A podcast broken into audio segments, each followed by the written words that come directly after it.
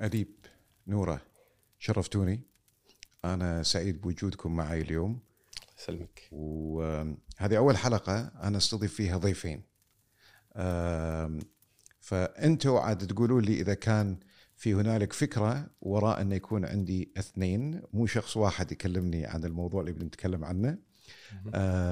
أو حبيتوا إبراز التنوع أو أي شيء آخر. لكن أنا بقول لكم في البداية عن سبب اهتمامي في الموضوع اللي بنتكلم عنه اللي هو الديانة البهائية. أنا في يوم من الأيام كنت في آه، نزاع قانوني آه، مع يعني شخص آه، تكلم علي اشتكى علي أو إنه في مواقع التواصل الاجتماعي قال كلمة مو زينة أو هالكلام هذا كله. آه، وظاهر تم يعني أو هو قال كلمة الحين إذا أنا قاعد أتذكر عدل هو قال كلمة مو زينة فالمحامي مالي اندفع شوية وأخذت الحمية وقدم شكوى فيه. على العموم آه، سحبناها. آم، لكن وكيل النيابة قال لي كلمة لا زالت ترن في ذهني. قال لي دكتور ترى أنت مو عايش بروحك في هالبلد. في ناس غيرك في ناس مختلفين عنك في ناس ما يعرفون يتعاملون مع أفكارك ويشوفونها تهددهم أو خطيرة عليهم. عشان كذي أنا من يومها وأنا مهتم بإني أنا أعرف الناس اللي أنا عايش معاهم لأني أنا بديت أكتشف إني أنا مو عايش بروحي في المجتمع. وفي ناس مختلفين عني. وإن القيمة الأساسية اللي تجمعنا هي قيمة التعايش. ولكن التعايش أنا أعتقد لازم ينبني على أسس وأحد أهم هذه الأسس إن إحنا نعرف بعض.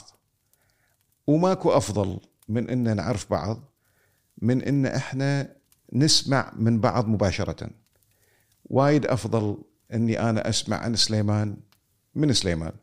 وايد أفضل إني أسمع عن أديب أو نورة من أديب أو نورة بشكل مباشر. خصوصا إن في مجال الحين مع آه، ثورة التواصل الاجتماعي ومواقع التواصل الاجتماعي قربت المسافات وفتحت قنوات فلذلك آه، كانت فكرة هذا اللقاء. فالله يعطيكم العافية وشكرا لتواجدكم آه، معنا. طبعا إحنا ال- ما تعودنا حتى على فكرة وجود المختلف المختلف اللي إحنا نسمع عنه بس من بعيد وهالكلام هذا آه، بعض الأحيان آه، تصير عندنا صور ذهنية خاصة فينا توصل لدرجة يعني كوميدية. يعني بعض الأحيان تتخيل الناس المختلفة معاك إن حتى أشكالها مختلفة. زين. مستحيل يكونوا الناس حالهم حالك بنفس شكلك بنفس يلبسون نفسك عندهم ياكلون عين ثالثة عندهم أه، يعني أنتم مو بس ناس عادية يعني التقيت فيكم في التحضير لهذا اللقاء أنتم حتى أسماءكم عادية يعني وايد وايد أشياء أنا تفاجأت فيها صراحة لما بديت أقرأ. وأتعرف على الديانة البهائية. الفكرة من لقاء اليوم طبعا مو فكرة تبشيرية يعني إحنا مو هدفنا إن الناس تقتنع أو لا تقتنع بالديانة البهائية. الفكرة هي إن نبي نتعرف على بعضنا البعض، نبي نعرف منو الآخر اللي موجود معنا شنو أفكاره شنو همومه شلون نقدر نبني جسور للتعايش بيننا وبين بعضنا البعض لأن قدرنا أن إحنا نتعايش قدرنا أن إحنا آه، نتعاون عشان تكون حياتنا كلنا في أي مجتمع إحنا نتواجد فيه حياة أفضل. ما تتفقون معي؟ وايد حلو. يعني بداية يمكن آه، إذا تسمح لي هم بعد أشكرك على إتاحة هالفرصة وهالمجال إنه يكون في هال- هالمساحة للحوار وإن نتعلم مع بعض. يعني في النهاية إحنا آه، أظن حب الكويت يجمعنا. أكيد فمصلحة الكويت وان مع بعض نتعلم شلون نقدر نتعاون نحط إيدنا بإيد بعض بحيث إنه إن شاء الله آه، باكر يكون أحسن من من اليوم وعقبه يكون أحسن من آه، اللي قبله. فأظن آه، التعارف والحوار هذا شيء أساسي جدا في في المجتمع. بالتأكيد نورة اي أعتقد إحنا متحمسين إن نتكلم عن مفاهيم ومواضيع تمس المجتمع الكويتي وإن شاء الله نقدر نجيب آه، تعاليم الدين البهائي ونوضحها بصورة آه، حتى الناس كلنا نقدر نستفيد من المفاهيم الموجودة. تمام تمام الآن تبون توضحوا لي ليش كان من آه، من ضمن قراراتكم أن تكونون اثنين ورجل وامرأة موجودين معنا اليوم؟ ولا كذي عفوية كانت؟ يعني أظن كانت عفوية بس بس هي تعكس آه، واحدة من من آه، العقائد أو الأحكام الأساسية في الدين البهائي اللي هي مساواة الرجال حقوق الرجال والنساء وأن المجتمع متكون من رجال ونساء. فإذا المجتمع هذا يبي يتطور ما تقدر أنت تستثني نص المجتمع هذا. فدائما المجتمع هو نتذكر أنه هو رجال ونساء. فالسيده هي أخت الرجل. هي أمة هي بنتة فلازم مع بعض التطور آه، هذا يصير. تمام. هذا فهمي أنا ووجهة نظري إن ليش إحنا موجودين اثنين. تمام تمام. تتفقين معه؟ أكيد أكيد يعني عن مركزية المرأة في الديانة البهائية؟ أكيد ويعني هذه مبنية على الانتصارات اللي من جميع الأديانيات. وأخرة الدين الإسلامي شلون عظم من مكانة المرأة. ويعني أعلى من شأنها وقدرها تمام. فإحنا عندنا مبدأ المساواة بين الرجل والمرأة هي حقيقة ثابتة تمام. مثل الجاذبية تمام. مثلا ف عند الله سبحانه وتعالى لا فرق بين م. الرجال والنساء فالإنسان هو جسد وروح م. وبالأحرى هو روح متعلق في جسد تمام فالرجل لديه روح والمرأة لديها روح وهذه الروح حقيقة روحانية عند الله سبحانه وتعالى أكيد ما في فرق. تمام. وتعاليم البهائية تشبه الإنسانية بطير. م. لا جناحين م. جناح الذكر وجناح الأنثى. تمام. وإذا كان في ضعف في أي من الجناحين الطير ما راح يقدر ما راح يقدر يطير. يطير. تمام تمام. قواكم الله. ليش ما نبدي بداية غير تقليدية. بلقاءات مثل هذه عادة يكون الاهتمام بالسرديه الدينيه التقليديه عشان الناس يفهمون ما هي الديانة البهائية. وهذا شيء مهم وراح نرجع له. بس آه، خلينا نبدي بلمحة تاريخية عن آه، وجود البهائيين في الكويت أو في المجتمعات الخليجية. حدثوني عن ذلك. يعني يمكن آه تاريخيا لما نشوف بدء آه رسالة حضرة بهاء الله أو الدين البهائي آه واللي راح نتطرق له يمكن بعد شوي فحضرة بهاء الله عاش أكثر من 12 سنة في في الخليج. في الخليج. في الخليج في بغداد بالتحديد في العراق, العراق يعني. فوجودنا بالمنطقة والدول العربية يعني هذا طبيعي جدا يعني هذا ارتباط تاريخي. وامتداد جغرافي لأن بنفس المنطقة. بالضبط. فيعني آه، يمكن لي أنا يستحضرني أن أول عائلة بهائية وصلت للكويت كانت في 1911 تقريبا. واو. آه، كان مدرس آه، عائلة مدرس يعني كانوا يشتغلون في التدريس والتعليم ومن وقتها يعني موجودين ودائما البهائيين حتى لما ينتقلون من منطقة لمنطقة خدمة المجتمع والتطوع ومساعدة المجتمع دائما في أولوياتهم. تمام. فانتقالهم دائما يكون بفكر انه شلون أنا أقدر أساهم في المكان اللي أنا رايح له. تمام. وإذا تكلمنا عن آه، منطقة الخليج بشكل عام يعني هل هنالك تركيز لأبناء الطائفة أو الديانة البهائية في دولة واحدة من دول الخليج؟ انه والله في هذه الدولة أكثر من غيرها ولا ولا شنو الإحصائيات اللي اللي عندك؟ يعني على حد علمي ما في تركيز في دولة معينة. تمام. أه، البهائيين موجودين في في كل دول العالم. تمام. يعني البهائية تعتبر أه، من أكثر الأديان انتشارا حول العالم كانتشار جغرافي. أه، لأن دائما البهائيين يعتبرون أنفسهم جزء من المجتمع المحلي اللي هم عايشين فيه. تمام. ف راح تلتقي فيهم بكل مكان في كل بالعالم. مكان في كل مكان في دول الخليج وبكل مكان بالعالم. بتقول من 1911 تقريبا كانت أول عائلة أي نعم. جت واستوطنت في الكويت. أي نعم. فبالتالي هم مواطنين كويتيين حاليا. بالضبط. تمام تمام. دائما آه، يعني آه، لما نتكلم عن الديانه البهائية نتكلم عن مركزية آه، بهاء الله حضرة بهاء الله يعني يمكن وايد مهم إن نعرف بالضبط يعني كيف بدأت الديانة؟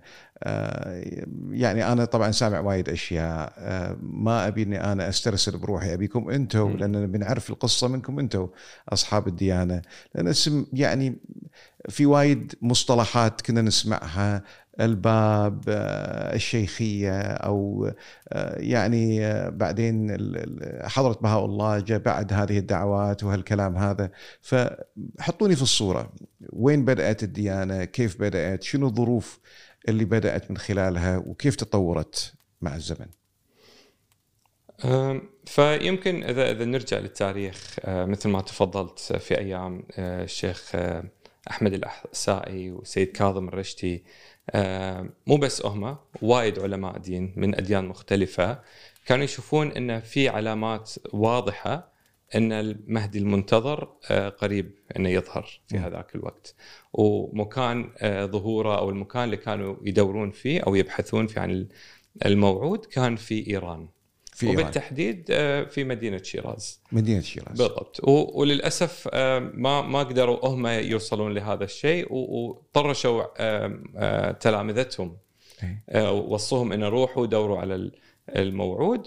وفعلا يعني في عام 1844 اللي تفضلت فيه حضره الباب أعلن دعوته في شيراز. حضره الباب دعوته كانت آه، قصيرة جدا من حيث المدة الزمنية مم. بس الهدف منه كان أنه آه، يبشر الناس بظهور مثل ما تفضل من يظهره الله. أو أو الشخص اللي الله سبحانه وتعالى راح يطرشه واللي كل الأديان السابقة بشرت فيه أنه راح يجي يوم في شخص عظيم راح يظهر أحكامه وتعاليمه راح تساعد أن البشرية تعيش في آه، سلام وأمان. طيب سو so, إذا نرجع شوية لورا شو اللي خلى عشان أفهم الأجواء اللي بدأت فيها الديانة شو اللي خلى يكون في هنالك إشارات في ذيك اللحظة من الزمن أو قراءتهم في ذيك اللحظة من الزمن إن في شيء بيحصل في شخصية عظيمة ستظهر؟ هل كان مبني على مرويات معينة سرديات معينة آه، استنتاجات وصل إليها هؤلاء الأشخاص ولا شنو بالضبط؟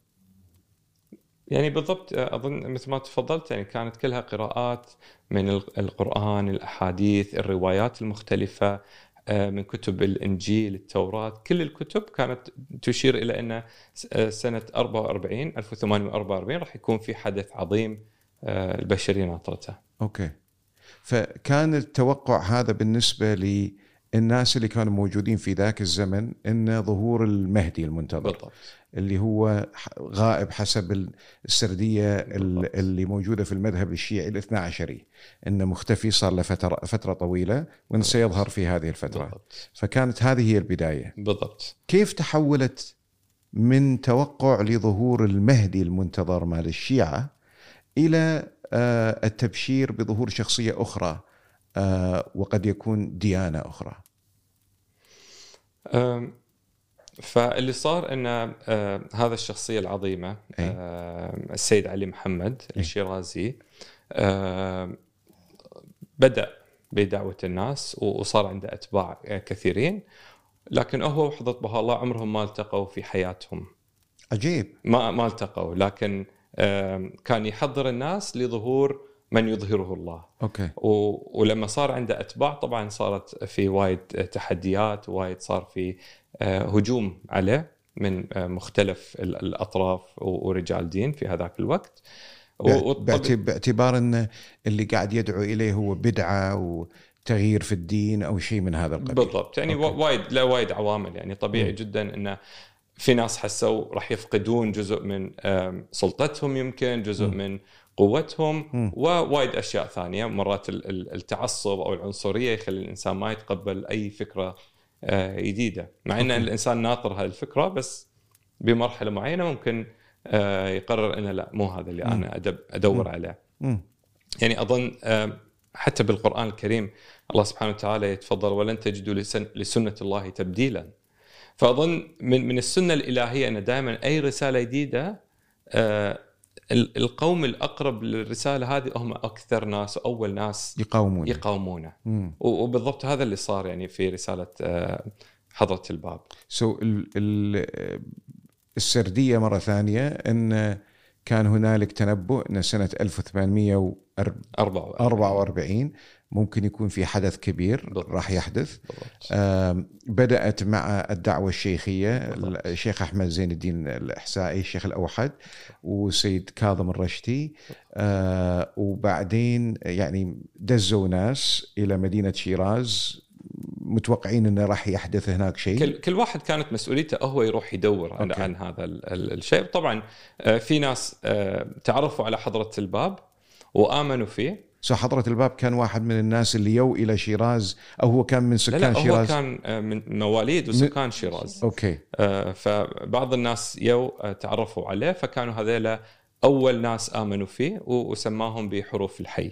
حروف ال- الحي. الحي. ال- الحروف اللي دائما راح تكون حية يعني لأن الحروف التاريخ الحية إيه. مد يعني سجل أساميهم وظلوا أحياء إلى يومنا هذا والى اجيال قادمه أساميهم راح تكون مخلدة بالتاريخ. so ال ال حضرة الباب هل هو كان أحد المتأثرين بدعوة آه، الشيخ أحمد زين الدين والسيد كاظم الرشتي ولا كان مستقل عنهم؟ لا كان مستقل. يعني حتى هم ما شافوه في حياتهم. يعني هم okay. توفوا قبل لا يقدرون يتعرفون عليه وهذه كانت أمنيتهم. بس طبعا آه، ما أسعفهم حياتهم الدنيوية. okay. ف يعني أتوقع لا حضرة الباب كان هو اللي آه، كانوا يبشرون بظهوره. ها okay. so أنت ال- ال- النظريه فحضره الباب هو الموعود هو المهدي المنتظر يعني. حضرة الباب؟ حضرة الباب هو المهدي المنتظر. أوكي أوكي. وهو لما لما صدح في دعوته قال عن نفسه أنه هو المهدي المنتظر. بالضبط تمام. بالضبط. واللي صار إنه هو دائما كان يقول إنه آه أنا فديت بكل يعني راح أفدي نفسي وكل رسالتي وكل شيء في سبيل ال- الموعود. الشخصية العظيمة اللي راح يجي من بعدي. okay. وفعليا هذا اللي صار يعني رسالته كانت وايد قصيرة. تمام. آه طول فترة الرسالة واستشهاده آه إلى قتل. ان ظهر حضرة أي نعم هو okay. استشهد. okay. استشهد آه، في ميدان عام. وطبعا يعني في تفاصيل يمكن ما راح ندخلها الحين أظن حلو بعدين اللي يبي يعرف أكثر يدخل آه، ويقرأ بعض المواقع البهائية. بس هو استشهد.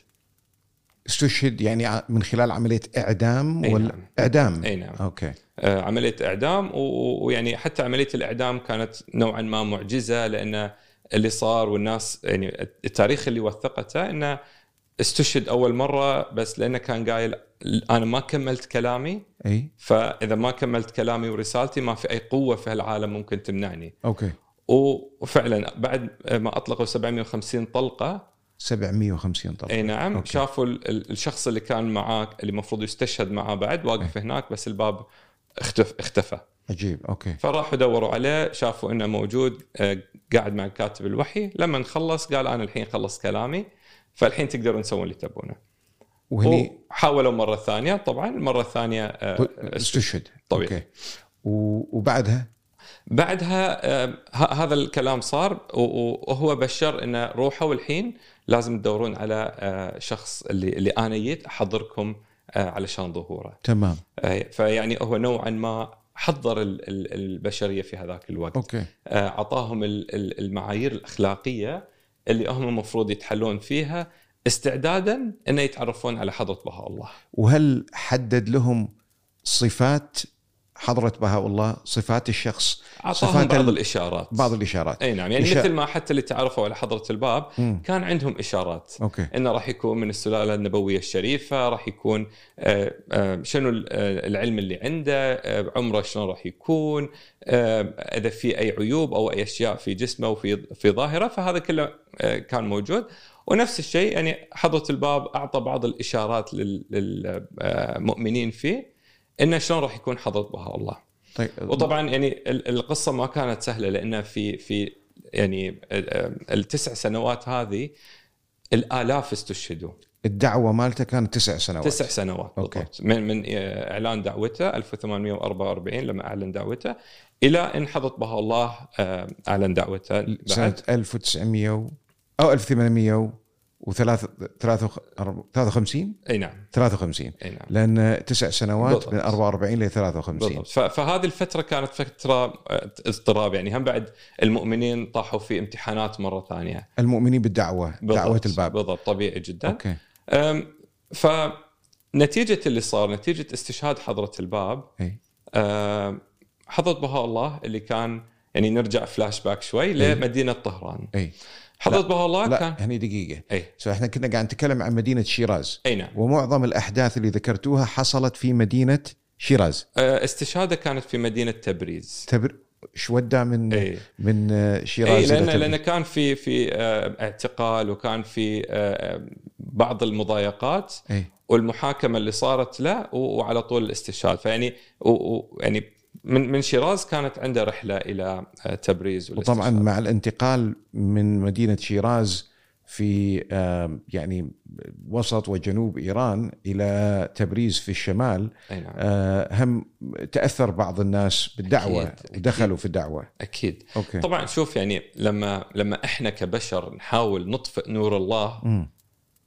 يحاولون أطفاء نور الله بأفواههم. ولكن آه، الله سبحانه وتعالى هذا هذا نوره هذه هدايته. okay. هذه محبته للبشر. فطبيعي كل ما ينتقل من مدينة لمدينة عبالهم انه آه، هذا آه، راح يخلي ناس يكرهونه ويطفئ نور ماكو الله. أتباع ومدينه جديدة ما حد يعرفه. وهالكلام هذا كان. يصير بالعكس تماما. okay. ف لما وصل لتبريز طبعا مر على شهريق ومازندران ووايد مدن ثانية بس بس الاستشهاد كان في تبريز. طيب و, و... طبعا ملاحظ شغلة راح أرجع فيها يعني عشان أفهمها أكثر. أوكي. كثير من كلامك قاعد تستشهد فيه بالآيات القرآنية. أي طبعا. وكثير من الناس يمكن ما عندهم هالاطلاع ان إن الديانة البهائية شنو نظرتها للقرآن الكريم وللديانة الإسلامية. ويعني أنتم حتى أساميكم أسامي إسلامية في الغالب يعني حسين وعلي وعبد الله. وهالكلام صح. هذا كله. سواء راح نرجع لها. أكيد. لكن الآن حضرة بهاء الله لا للحين ما وصلنا. الباب تسع سنوات من سنة 1944 1800 1844 هذا أي. يعني يعني إحنا قاعد نتكلم عن ديانة حديثة بالضبط. تأسست منذ أقل من 200 سنة. بالضبط. 1844 تسع سنوات استشهاد. لغاية أي استشهاده نعم. طيب. بعدين لما نرجع ورا شوي لطهران آه، فلاش باك كذي أي. ف- شوي فيلم اكشن أي. آم، حضرة بهاء الله كان من عائلة آه، عائلة وزراء في بلاط الشاه في. إيران آنذاك طبعا. من طفولته آه، كان ما يحب إنه يقعد قعدات آه، تسلية وما كان يحب الأطفال يعني ألعاب الأطفال والاشياء السطحية. كان دائما يستمتع يا بالطبيعة أو بمساعدة الآخرين. تمام. والأوقات اللي كان موجود فيه في بلاط الشاه أو في القصر كان ال- ال- الشاه يحرص إنه يكون قاعد بين الوزراء لأنه كان دائما يأخذون رأي حضرة بهاء الله من طفولته من وعمره 11 حضرة بهاء الله اسمه لا شنو هذا؟ لقبه. هذا آه، لقبه. بهاء الله يعني من اللقب. إحنا بالعربي محظوظين انه وايد مصطلحات بالعربي سهل علينا. فبهاء معناته نور. نور نعم. فهو لقب نفسه نور الله. هو هو اسمه, اسمه حسين علي النوري. حسين علي النوري. بالضبط. okay okay. الميرزا حسين علي النوري. okay.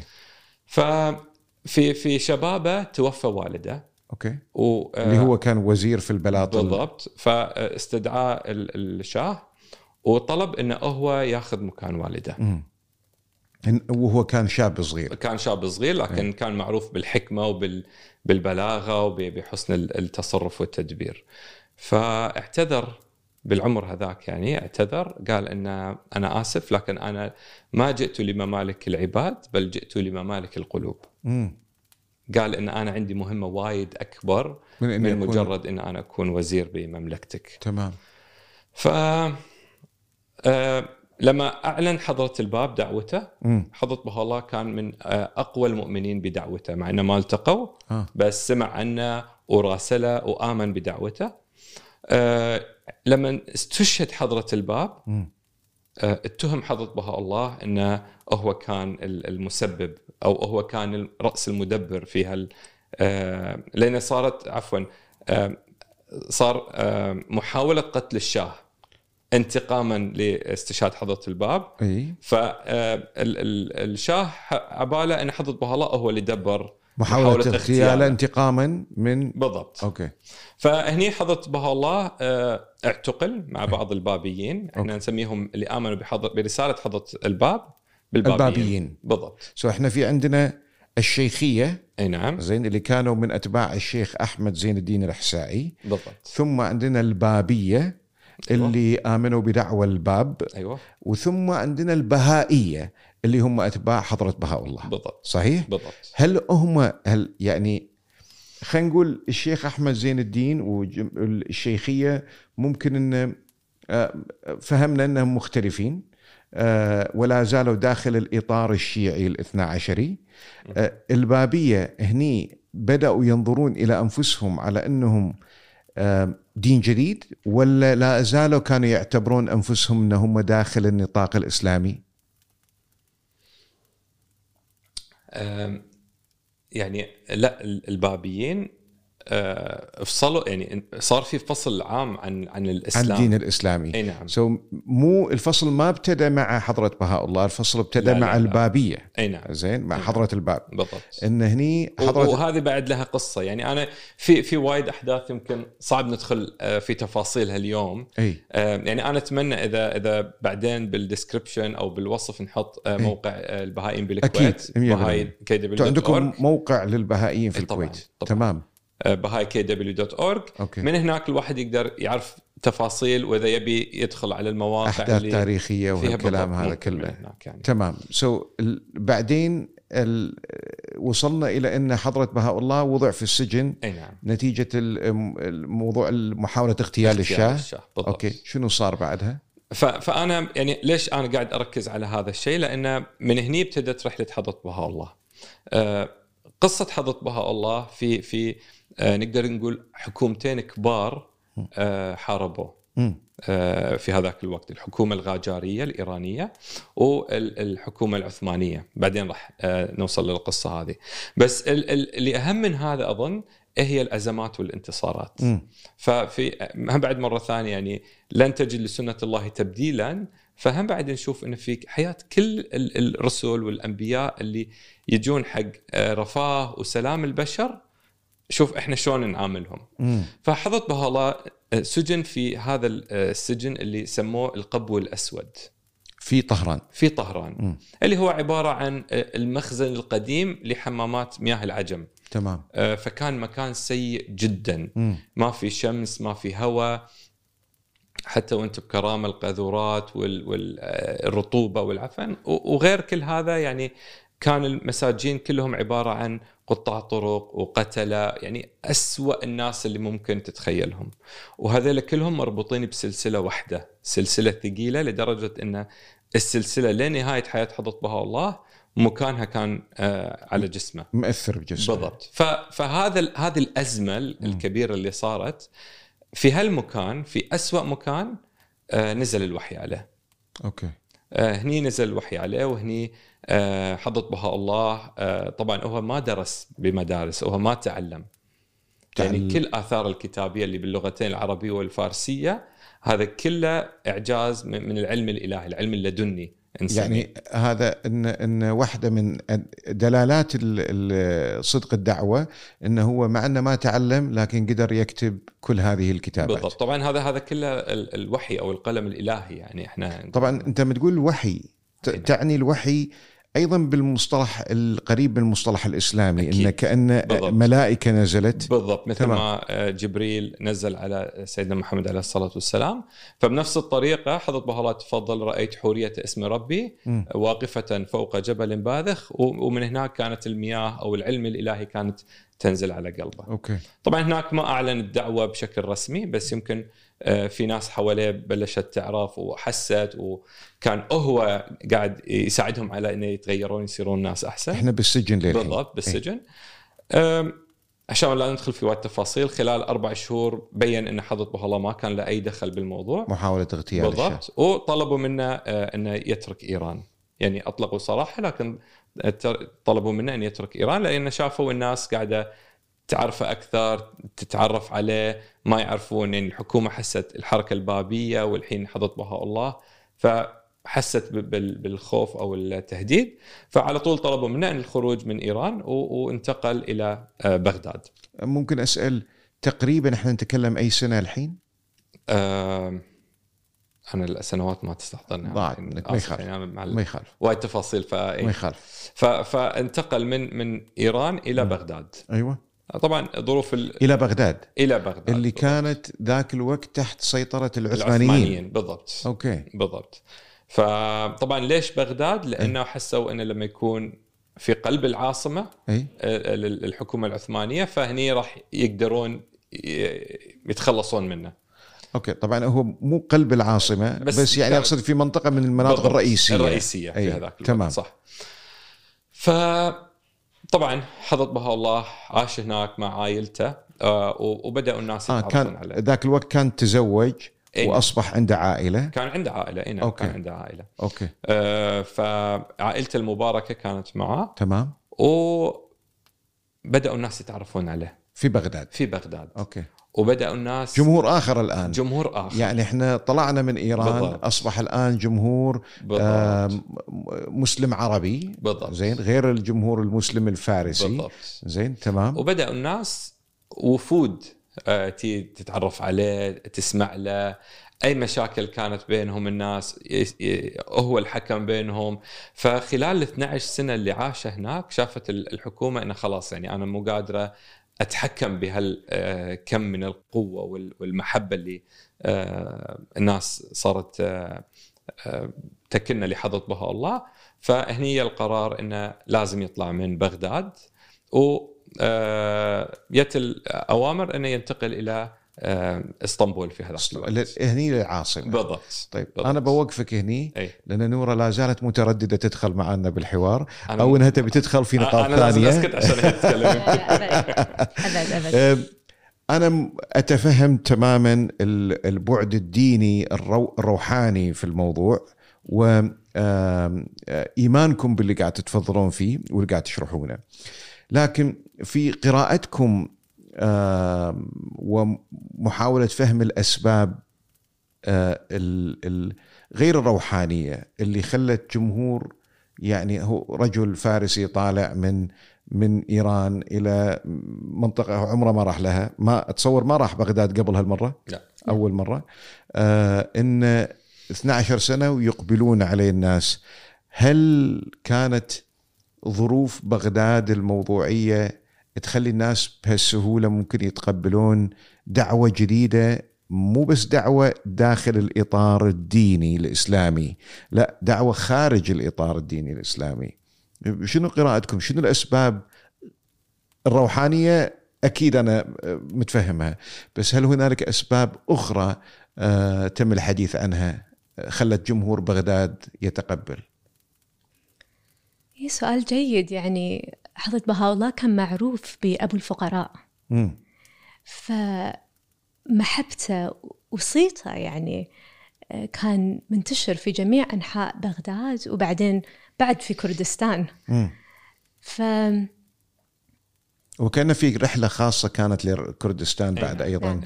اي لها لها علاقة رحلة تأمل يمكن نسميها تأمل وعزلة يعني راح فترة هناك هذه اثناء ال 12 سنة ولا هذه من ضمن ال 12 من سنة من ضمن مو انه بعد نهاية ال 12 سنة طلعنا لا من ضمنها من ضمن ال ضمنها، 12 أي. سنة هل كان يعني يمكن عفوا أنا بس يمكن جوابا لسؤالك يعني مم. أتوقع نفس السبب اللي خلى آه، الناس في شبه الجزيرة العربية تؤمن بالرساله المحمدية مم. يعني أظن كل كل رسول أو كل مظهر إلهي. آه، يجيب معاه رسالة الناس في في عطش في حاجة لهالرسالة. فطبيعيا الناس لما تسمع ال- الأحكام التعاليم المعايير الأخلاقية طبيعيا راح تؤمن. يعني مرات إحنا إحنا مرات في أشياء ما نحسها أو ما نشوفها. يعني يمكن اللي تفضلت فيه وايد آه، سؤال ذكي انه القوى الروحانية. بس مرات إحنا ما نشوف القوى الروحانية اللي الرسول يجيبها يعني نشوف الكتاب السماوي نشوف ال- الرسول شخصه. بس مع كل مظهر إلهي ترى نشوف الحضاري الحضارة المدنية تتطور آلاف السنين فجأة. وهذا هذا ما يجي من فراغ بس ال ال ال أنا أنا أبي أكمل الاسترسال الجميل في القصة لأن أعتقد وايد مهم. أي أكيد. آه لكن آه هذه جزئية مضطر إني أوقف عندها دقيقة. أي دعوة آه، داخل الدين نفسه بمواجهة موروث. زين؟ ومراجعته. آه، وتعديله. تعديل. تواجه بحرب ضروس. طبيعي. يعني يعني تاريخ زاخر بالناس اللي حاولوا يعني يسوون شيء يسمونه إصلاح ديني. أيوه. اللي هو داخل الديانة نفسها. مم. آم، الإصلاح الديني المسيحي مثلا مارتن لوثر.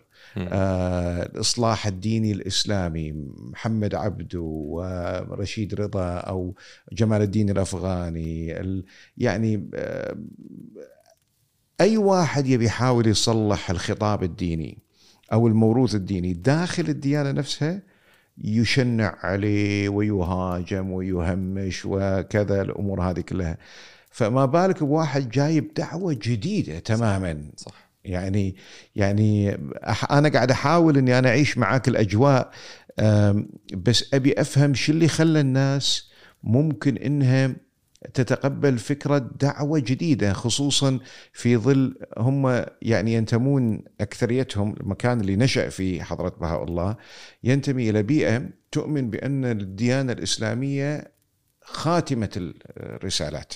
يعني ما بعدها رسالة فشلون ممكن يتقبلون فكرة انه لا في فكرة جديدة. في مو نقاش عقائدي صح آه، هي الفكرة إن أبي أفهم شنو الظروف الاقتصادية والثقافية وهالكلام هذا اللي ممكن خلت الدعوة أيضا آه، تكون مقبولة أكثر.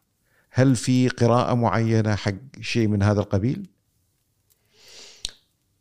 يعني أتوقع إن كون حضرة بهاء الله كان من عائلة آه، من عائلة وزراء يعني. أمورهم كانت تمام فما كان في أي شيء يجبره أن يترك هذا كله قصدك يعني مصداقية حضره بالضبط، بهاء الله يعني بالضبط. هذه كانت الأداة الرئيسية اللي. قدم وكان فعليا لما لما يقول يتكلم عن التضحية كنت تقدر تشوف إنه هو يمكن ما عنده آه، وايد فلوس بعد ما ترك كل هذا لما طردوه من إيران أو أو هاجر من إيران. ما كان عنده وايد فلوس في وقته لكن مع ذلك في بغداد عرف بأبو الفقراء. فيعني مو أي واحد يقدر يسوي هذا. مم. بعدين يعني أشوف إن كلامك صح 100% بس يعني هذا يمكن القانون اللي يطبق علينا إحنا لما نحاول بقانون البشر نحلل ظاهرة معينة. نعدل شيء. بس أي. يعني العلاج الإلهي أنا أشوف إنه يعني أشبه الرسالة بالعلاج الإلهي. مم. فلما ما تخضع لنفس القوانين. بالضبط يعني حضرتك دكتور لما تعطي وصفة حق أي مريض المريض المفروض ياخذ نفس الوصفة. مم. والوصفة هذه راح تفيده في حزتها. مم. لما أنا أي أقول لا يبا أنت المفروض لا تاخذ شيء أنت أخذ كذي وكذي. أنا قاعد أحاول أعدل على وصفتك.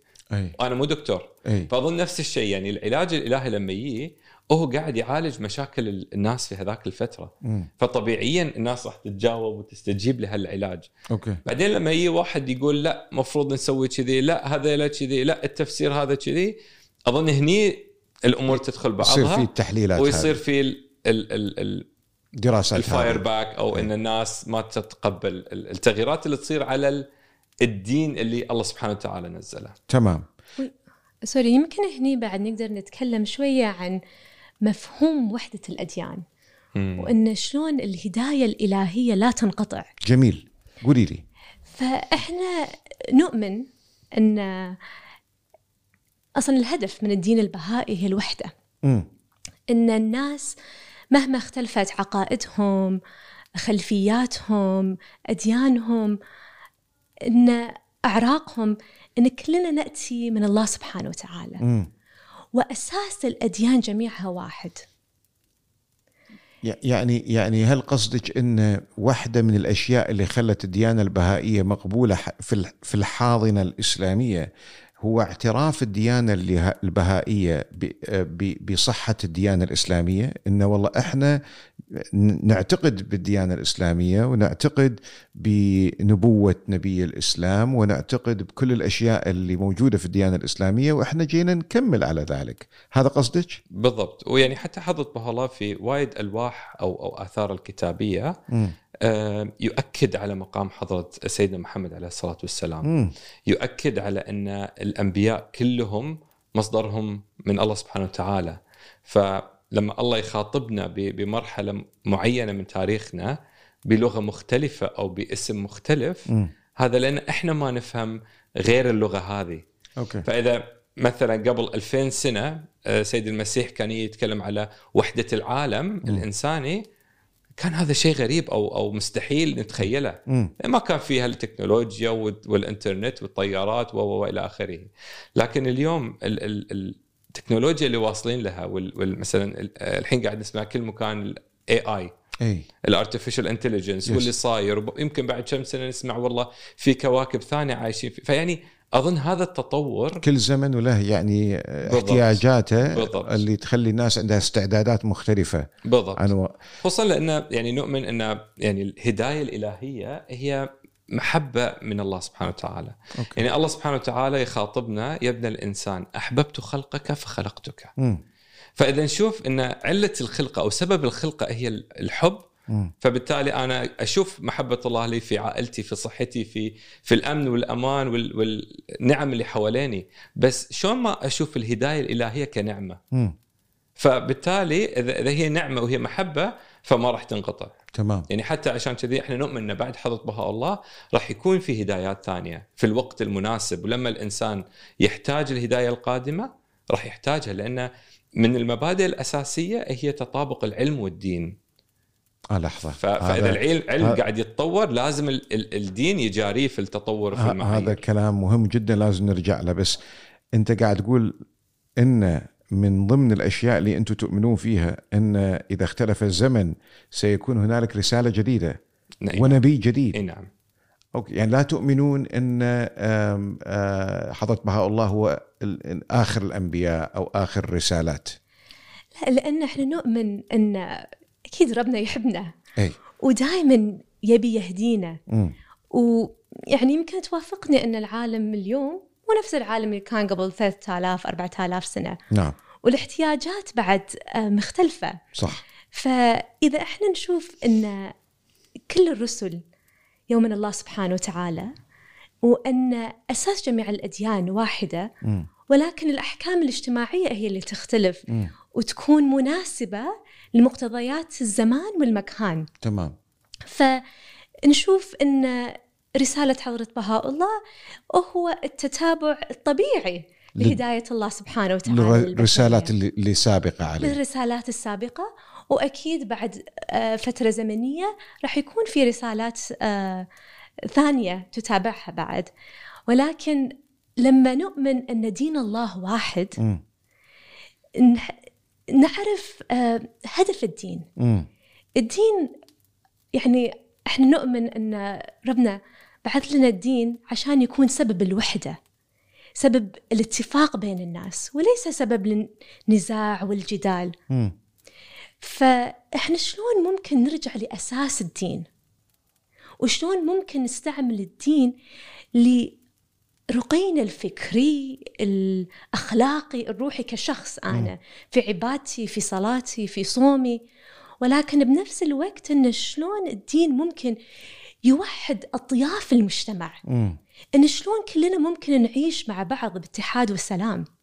هذا هو هدف الدين. أوكي. وحدة وحدة الأديان باعتبار إن هي جاية من نفس المصدر وبإن هي نفس النور وبالتالي وهي تكمل بعضها البعض. واختلاف الاختلاف هو اختلاف اللحظة الزمنية واختلاف ال- الناس وحاجاتها فهمها. فبالتالي تتجدد الدعوة. بالضبط. صحيح؟ بالضبط تمام ويمكن يعني من بعض النقاط اللي آه، ذكرتها آه، أختي نورة إن آه، يعني المبادئ والأحكام اللي حضرت بها الله يابها في هذاك الوقت هي السبب اللي خلت الناس تشوف إن هذا هو العلاج الشافي لمشاكل الزمن اللي إحنا عايشين فيه. ممكن ف- تعطيني بعض الأمثلة فمثلا الدين البهائي علمنا إن ال- الرجل والمرأة متساويين في نظر الله. فحقوقهم وواجباتهم وفرصهم آه، لازم تكون متساوية بحيث إنه مو إن كل واحد يسوي مهمة الثاني بالحياة مثلا بالبيت أو بالعائلة بس الاثنين يكون عندهم الفرصة للتطور، الاثنين يكون عندهم الفرصه لل... إن آه، يتعلمون. فمثلا التعليم صار أساسي، صار واجب على كل أب، وإذا ما يقدر يعلم الثنتين الاثنين يعني البنت دائما لها الأولوية لأن البنت هي أساس العائلة، الأم راح تصير هي المربية الأولى لل- للعائلة والأولاد. التعليم في الديانة البهائية أساسي. أي نعم. يعني من من من حقوق الطفل على أبويه. أي نعم. صحيح. صحيح؟ وممكن الأب يحرم أي.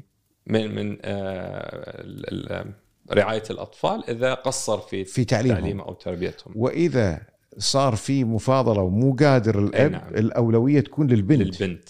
أوكي هذا بالضبط. يعني آه، فكرة ثورية هذه صراحة. يعني هذا هذا إحنا قاعد نتكلم على مجتمع ال- اللي نبي نشوفه. أي. فطبيعي المجتمع هذا ما نقدر نقول بس إنه لا نتقبل الآخر و... ويلا بس نمشي حالنا لا قاعد نتكلم على مفاهيم هذه شوي الفكرة متقدمة. هذه الفكرة جت مع حضرة بهاء الله ولا جت تطورا مع الفترة؟ لا لا هذه من آثار الكتابية من من آه، حضرة بهاء الله.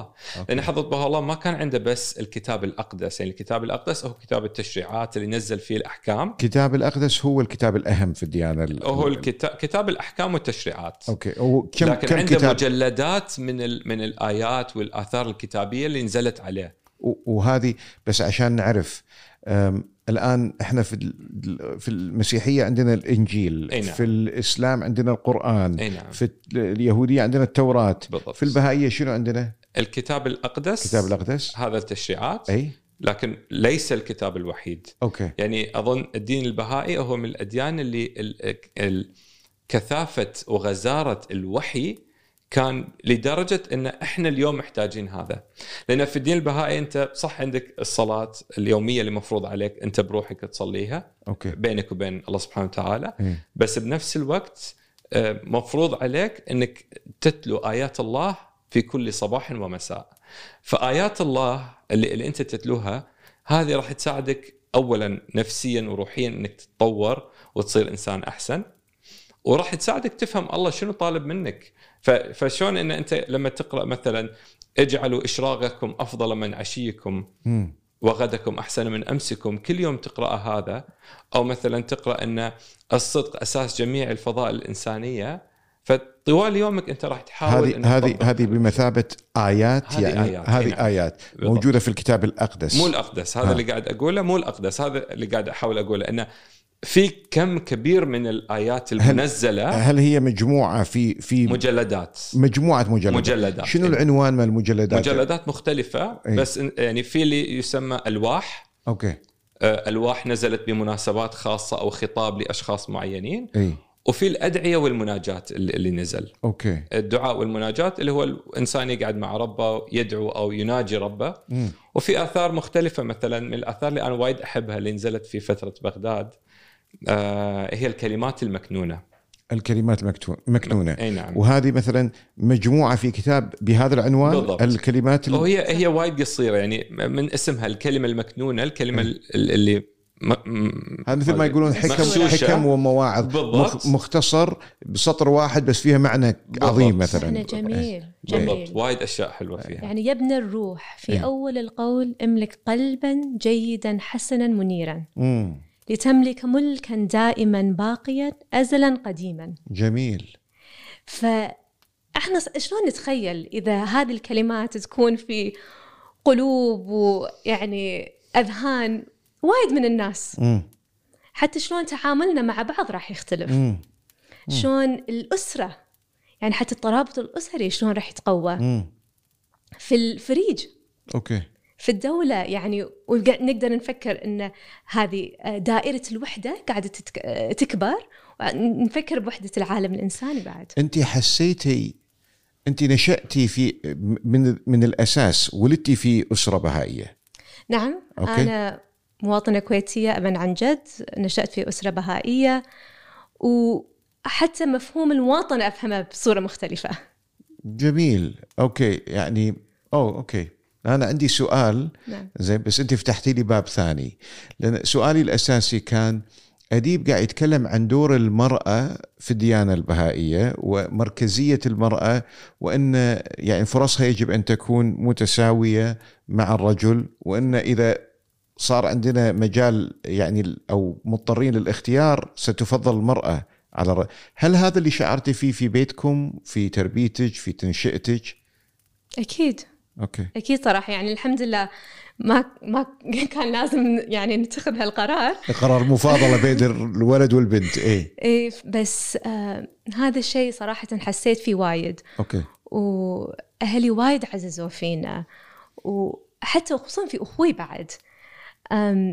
فلأن مفهوم مساواة الرجل والمرأة مو بس مرتبط يعني بالمرأة وشيء المرأة تفهمه. ولكن هو مفهوم بعد الرجل لازم يتبناه. أوكي لازم يكون مؤمن فيه. لازم يكون مؤمن فيه لازم يكون مناصر له. ال ال ال هل هذا الأمر موضوع ال ال المساواة بين الرجل والمرأة ينعكس حتى على موضوع المواريث مثلا؟ يعني الرجل والمرأة ميراثهم واحد ولا نفس الإسلام للرجل مثل حظ الأنثيين؟ شنو الوضع مثلا؟ نبي نعرف بعض الأحكام الفقهية في في الديانة البهائية. سؤال وايد زين هو حضرة بهاء الله وايد وصى إن كل شخص يكتب وصية. أوكي. ففي الميراث هذا شيء وايد مهم إن كل شخص عليه آه، واجب كتابة الوصية. طيب. ف ويقدر يختار شلون يبي. ها ما في قاعدة عامة. لا. يعني أن بعدي الميراث يتقسم ب- وهذا ينطبق على الكل. ها- في حال انه ما في وصية إي. آه، فيه إي. آه، في الكتاب الأقدس okay. نازل ال ال آه، ت- طريقة تقسيم ال- الإرث ميراث إي. بالضبط بس ما في فرق بين ال ال البنت الرجل وال- والولد. بس نفس- الر... ال... ال... الإنسان ال- الشخص البهائي أي. له الحق مثلا يقول أنا أبي كذي يصير في بالضبط. صحيح. أموالي. بالضبط. زين؟ بس بس حتى الوصية إي. آه، ليست فقط مرتبطة بالمادة. صحيح. أوكي. يعني حتى كتابة الوصية مو بس بهدف تقسيم ال- الإرث هو بهدف إن ال- الإنسان يرجع يتذكر مع نفسه ويذكر عياله إن أنا شنو معياري الأخلاقي أنا شلون عشت حياتي أنا بشنو مؤمن أؤمن إن إيماني. حضره بهاء الله هو آه، المظهر الإلهي هو اللي بشر في كل الأديان السابقة. فيعني أظن ال ال ال حتى ال كتابة الوصية. شوي مختلفة عن إنه يكون شيء مادي فقط أوكي لأن مثل ما تفضلت يمكن آه، أختي نورة انه كوني أنا روح في الأصل فحياتي هذه كلها عبارة عن مسيرة لروحي إنها تتطور مم. فالمسيرة هذه المفروض الروح تكتسب الصفات والأسماء وال- والخصال الإلهية مم. من مثل الأمانة، الإيثار، المحبة، وايد أشياء إحنا نسمعها كأسماء الله الحسن حسنى، بس هذه كلها أشياء روحي تقدر تكتسبها. مم. فأظن إذا إذا خلال حياتي أنا ما أكتسب الأشياء هذه آه، ففي النهاية وصيتي راح تكون فقيرة اي مهما كان عندي فلوس، مم. مهما كان عندي ثروة وممتلكات. جميل ف ومن كذي جزء أساسي في عقيدة كل بهائي هو إن شلون أنا أساعد الآخرين يتطورون عشان أنا بعد أتطور. فشلون أنا أتعلم مثلا محبة الآخر محبة المختلف عني إذا أنا بقعد بالبيت بروحي أس- أصك البيت على نفسي وعلى عيالي. لكن لما أكون بالمجتمع لما أساعد المحتاج لما أشوف ال- ال- الفريج اللي أنا عايش فيه شو اللي محتاجه؟ يعني جت فترة مثلا والفريج مو لازم يكون بهائي. لا لا بالعكس. ليش لازم بهائي؟ بالعكس يعني آه، بالفريج عندنا مثلا أيام كورونا شفنا إنه والله الناس محتاجة آه، إن تتعلم اللغة الإنجليزية وسوينا Zoom classes online وبلشنا نسوي مثل English speaking club. وفعلا شفنا إن في حاجة لهذا الشيء. ففي مرحلة معينة ولدي اللي عمره 11 سنة صار يعلم الأصغر ورد قال لي يعني بابا أنا حسيت إن أنا صرت مفيد في مجتمعي. فأظن هذا الشيء اللي اللي نتعلمه انه شلون الإنسان في رحلته هذه عشان يتطور لازم يساعد غيره. تمام. زين قد تبدو بعض أسئلتي بالنسبة لكم انه إيش قاعد يسألنا هذا؟ زين إحنا يعني هذه أشياء اعتيادية بالنسبة لنا، لكن أنا قاعد أفترض إن ناس كثيرة من اللي قاعد تشوف لقائنا اليوم ما تعرف الكثير عن الديانة البهائية فبعض الأسئلة على تلقائيتها وبساطتها لكن تخلي الناس انه آه أوكي. فبديت أفهم بعض الفروقات وهالشغلات هذه. بما ان قاعد نتكلم عن المرأة توه آم، بس أختم بسؤال تقليدي. هل هنالك لباس معين مطلوب من المرأة في الديانة البهائية أن تلتزم فيه؟ أه، لا يعني في الاحتشام أكيد. مفهوم الاحتشام. مفهوم الاحتشام موجود. بس مثلا مفهوم الحجاب بالطريقة اللي موجود في الديانة الإسلامية غطاء الرأس ولا هالكلام هذا هذا مو موجود في الديانة البهائيه مو بهذه الصورة لا. مو بهذه الصورة. بصورة ثانية؟ يعني أظن أظن هني مفهوم العفة وايد مهمة. أوكي. يعني آم، ليش أنا أحكم على نص المجتمع. والنص الثاني عنده مشكلة في عينه وفي في مخه وفي فكره وفي في رؤيته. فأظن آم، يعني شلون أنا أقدر حتى مرات أدش بيت أحد وعيني تكون عفيفة مم. أنا عيني تكون محجبة عيني طاهرة هذه الفكرة أن أركز على أيضا مفهوم بالضبط. مثل مفهوم غض البصر في الديانة الإسلامية مثلا بالضبط بالضبط لأن في النهاية إحنا قاعد نتكلم على دين عالمي مم. الدين هذا ناس من كل الأديان وكل الطوائف قاعدة تؤمن فيه مم. فأنت ما تبي إنك أنت تدمر هوية معينة. مم. أنت تبي كل منطقة هم يشوفون شنو معيار العفة بالنسبة لهم شنو معيار الطهارة بالنسبة لهم. فأنا طريقة لبس معينه هني يمكن ما تكون مناسبة حق ديرة ثانية ما تكون مناسبة في مجتمع ثاني. فماكو مركزية في الديانة البهائية؟ يعني تعليمات من مركزيه حيث اللبس أو التطبيقات. أو هذا؟ لا. متروكة لكل مجتمع آه، يطبقها وفقا للقواعد والأعراف اللي ماشية فيه. مو بهالطريقة. ها. يعني يمكن يمكن آه، آه، الدين البهائي مو دين أفراد. اي دين مؤسسات. مؤسسات. أي نعم. ففي أشياء ترجع للمؤسسات يعني إذا إحنا مو عارفين شو اللي شو اللي المفروض يصير أو شو المناسب حق هالمنطقة أو هذا ما عندنا رجال دين. نرجع للمؤسسات واللي بناء على المؤسسة وشنو تشوفه مناسب آه، تسوي. مثلا البهائيين الحين في في دول معينة آه، مضطرين يلبسون الحجاب مثلا لأن المجتمع والقوانين والأشياء اللي تصير تفرض عليهم. بس في دول ثانية تشوف إنه لا يعني معيار ال ال بس هني المرجعية مو مرجعية قانونية هني مرجعية مرجع مرجعية أقصد مو مرجعية دينية هني المسألة آه، يعني لأن مطلوب مني في هذه الدولة قانون انه لازم المرأة تغطي رأسها فإذا راح اغطي رأسي بس مو لسلامة الأفراد بس. لسنه الأفراد مش بالضبط. لقضية تعليمات دينية في لا، هذه لا، الخصوص لا، أوكي لأن يعني أظن آه، يعني في الدين البهائي ال- الإنسان أشرف المخلوقات ونفسه بالإسلام بس يعني أظن البشرية وصلت لمرحلة من النضج والإدراك اللي أنا أقدر أعرف ان شنو اللي يعلي من مقامي وش اللي راح ينزلني ويخليني بدل ما أكون أشرف المخلوقات وأنتم بكرامة أسفل المخلوقات مم. مم. فيعني ما ما ما تدخل في جزئيات صغيرة مثل هذه مم. بس مثلا بالكتاب الأقدس آه، يتفضل حضرة بها الله في في قضية اللبس والحجاب. إن لا تجعلوا أنفسكم ملعبة الآخرين. إنزين؟ فيعني هذا واضح حق كل واحد.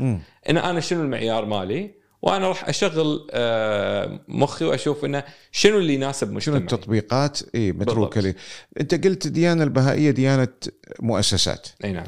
بس إحنا كنا قاعد نتكلم عن هذا الفرد نعم. حضرة بهاء الله بالضبط. اللي أسس هذه الديانة بالضبط. وما كملنا قصته فأنا كنت حابب أقول شغلة أنا لما كان في بغداد بالتحديد يعني وايد وايد كانت في ألواح وآثار كتابية قاعدة تنزل بالفترة هذيك.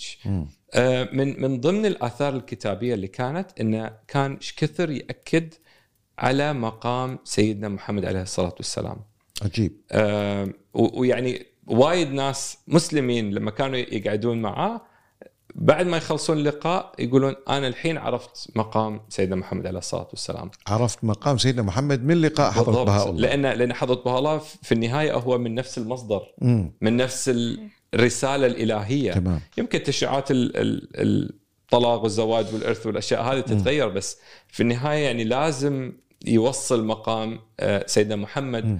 وشون قدر يربي الناس اللي كانوا عايشين في شبه الجزيرة العربية اللي كانوا عايشين على وأد البنات وغزو القبيلة اللي يمنوا 15 20 زوجة والى آخره غير قدر يسوي لهم حضارة ويسوي آه، كل هالعلماء والاكتشافات والاختراعات يعني مم. في النهاية تخيل لو ما في رسالة سيدنا محمد عليه الصلاة والسلام راح يكون إحنا في اليوم وين كنا؟ راح يكون في فجوة ثقافية إحنا وين كنا اليوم؟ كبيرة جدا صحيح إحنا اليوم كنا الحين عايشين ب يمكن العصور ال- ما مم. قبل التاريخ مم. فمن كذي يعني واحدة من ال- الآيات اللي تستحضرني حضرت بها الله في نهاية واحد من الألواح يتفضل والصلاة والسلام على آه، سيد العالم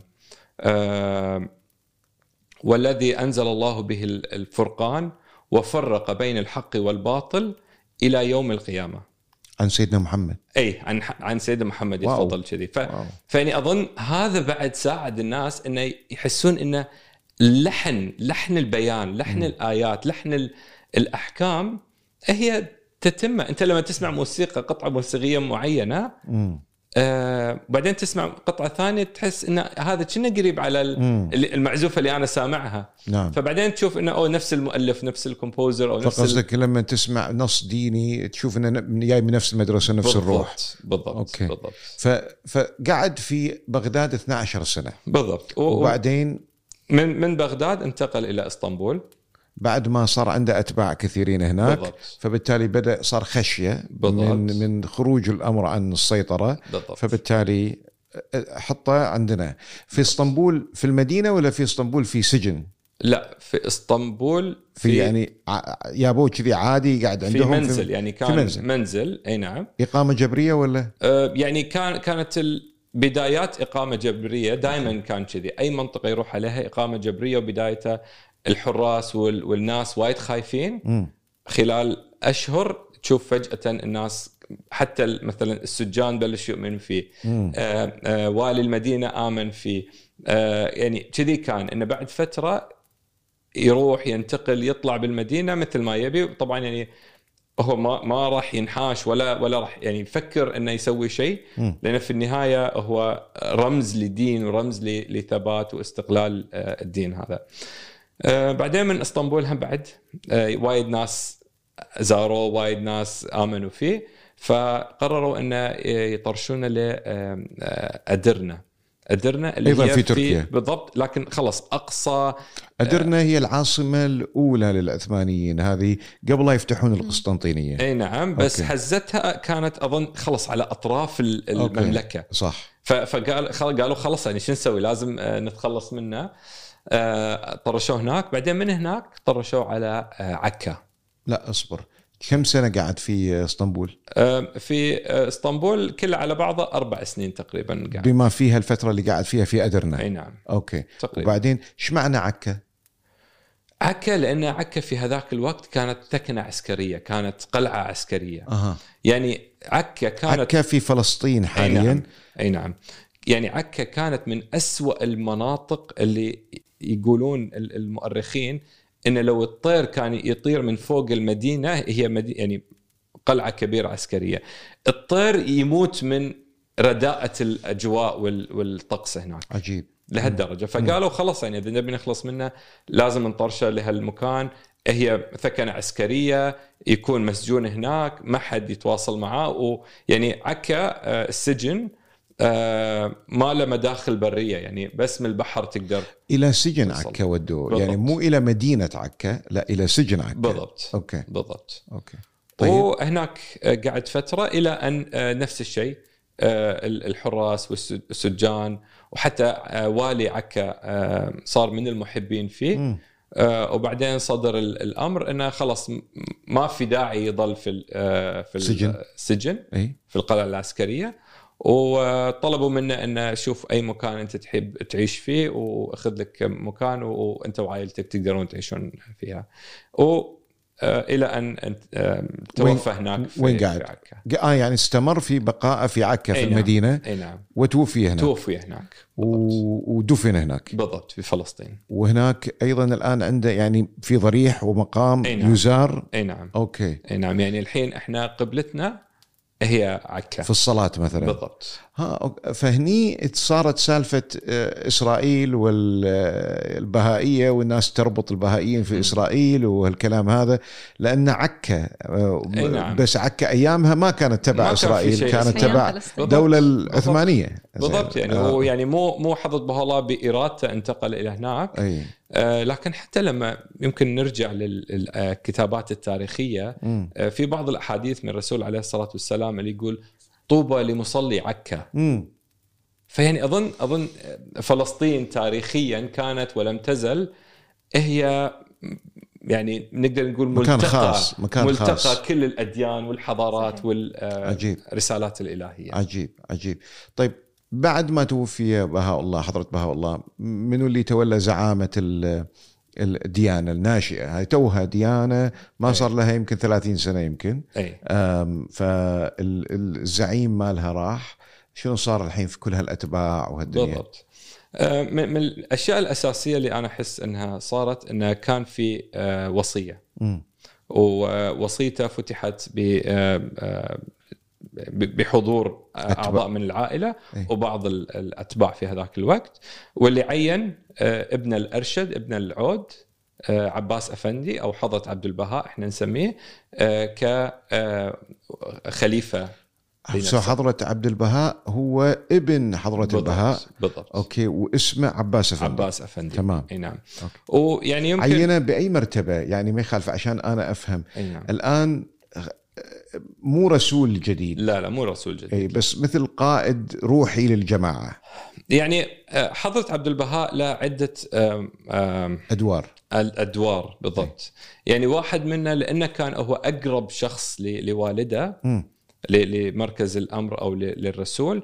فهو ال- الوحيد اللي كان عنده يعني والده أعطاه هذه السلطة في في مم. إنه هو الوحيد اللي ممكن يفسر النصوص. النصوص. أي. وهو آه، سماه مركز العهد والميثاق.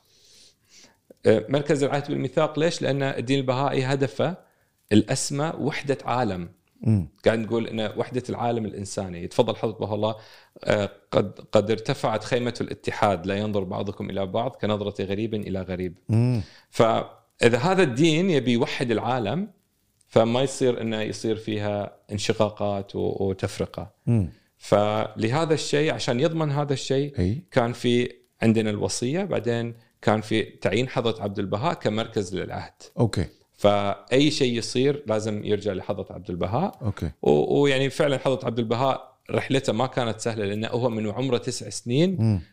رافق والده في كل هال رحلة ال- المدن والكذا. والتجارب كلها. بالضبط. ولما والدة توفى كمل آه، الرحلة هذه وصل لأوروبا ولأمريكا عشان يتأكد إنه راح يأسس آه، النظام العالمي هذا بطريقة صحيحة ويقدر يعني ينشر ما, ما استمر في عكا. يعني لا لا لأنه خلاص ما كانوا ما كانوا تحت الإقامة الجبرية أو شيء. إي فبالتالي كانت الفكرة إني أنا أطلع أنشر أكمل نشر بالضبط. الدعوة. بالضبط. وبالفعل راح زار بالضبط. أمريكا و... وأمريكا بالضبط. في ذاك أمريكا الوقت. أمريكا وأوروبا. واوروبا اي نعم. حتى okay. دول ثانية دول آه، العربية بعد آه، مصر آه، لبنان. يعني وايد وايد دول مختلفة سافر لها. إي. و يعني أظن أظن هذه ال- شنو أهم المراحل في حياة حضرة عبد البهاء؟ أهم المراحل اي يعني هل في يعني- مثل المواقف اللي الحين انت قلت لي عن مو- مرحلة بغداد، مرحلة إسطنبول، مرحلة مم. عكا، سجن عكا، هل في شيء كذي يروى دائما في السردية آه، مالتكم عن عبد البهاء؟ هل في مواقف معينة؟ هل في أشياء معينة دائما تذكر من المحطات الرئيسية في حياته؟ يمكن إحنا إحنا نشوف حضرة عبد البهاء كالمثل الأعلى أوكي. فهو المثل اللي إحنا نقتدي فيه. كان يجسد جميع الفضائل الإنسانية موجودة فيه. تعليمات الديانة الجديدة. يعني هو تجسيد لكل اللي دعا إليه حضرة حضرة البهاء. نعم وبنفس الوقت تجسيد الصفات الأخلاقية والروحانية مم. يعني اللي كل الأديان تدعى لها مثل المحبة الصبر الشجاعة فإحنا يعني نستمد من قصصه حتى يعني أفكار إحنا شو الم- المفروض نسوي في حياتنا مم. مم. ويمكن بعد لازم نذكر إن في حياة حضرة بهاء الله مم. هو كان آه، سجين وينفى من مكان إلى آخر. آه، كتب آه، رسائل وألواح لملوك وسلاطين العالم. بعثها كرسائل؟ بعثها كرسائل. ووصلت إليهم. أوكي. آه، يدعي فيها لحقوق البشر للمبادئ المختلفة. العدالة. يدعوهم أيضا للدخول في دعوته؟ ال- الهدف ما كانت بس الدعوة يعني إيه. إحنا يمكن بدين البهائي التبشير محرم. فحتى حضره بهاء الله لما طرش لهم. التبشير نبي نركز على هذه. التبشير في الديانة البهائية محرم. أي نعم. محرم. أي يعني- لأن يعني مفهوم التبشير هي مبنية على فرضية إن أنا أدري وأنا اعلى منك واعلى منك. أوكي. فأنا أبشرك وأنا آه، أقول لك وأنا أعلمك عشان أنت تنقاد بطريقة ما. يعني أنتم ما تدعون الناس للدخول فيه مسؤولية فردية العلاقة بين الإنسان وبين الله سبحانه وتعالى مسؤولية فردية. مم. بس بنفس الوقت ال- ال- المعلومة اللي أنا عندي هي أمانة. لكن من البخل إن أنا ما لا لو أحد سألني ما, ما أجاوبه. أقولها. إي.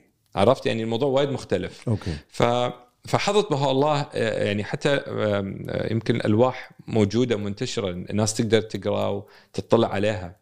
الألواح اللي طرشهم كانت تدعو الملوك والسلاطين في هذاك الوقت إن يا يا ناس أنتم لو تكملون في الظلم اللي قاعد تسوونه راح يصير كذي وراح يصير كذي.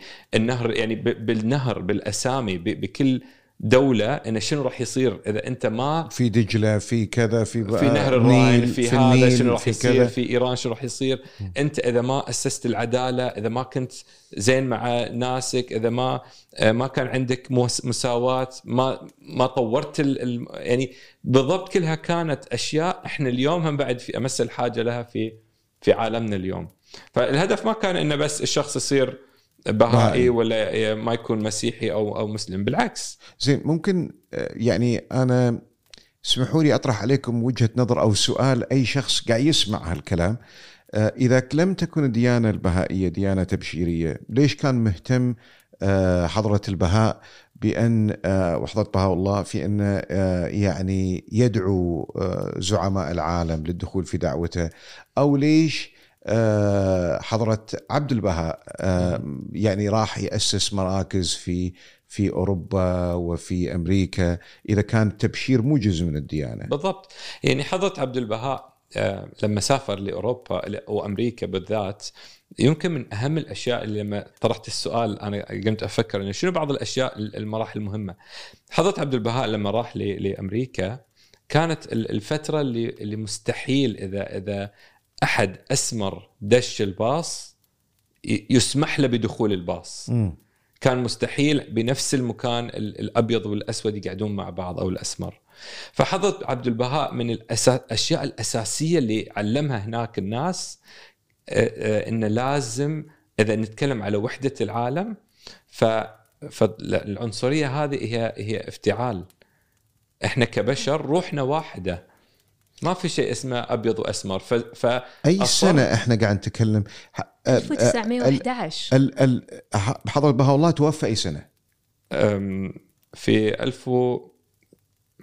أنا آسف ال- التواريخ ما تحضرك. الحين ما تستحضرني بس أوكي. حضرت يعني دخلنا- دخلنا دخل- 1911 كان. دخلنا بال 1900 1911 إحنا قاعد نتكلم عن حضرة عبد البهاء. لا أنا في- أقصد الوفاه الوفاة مالت آه، حضرة بهاء الله.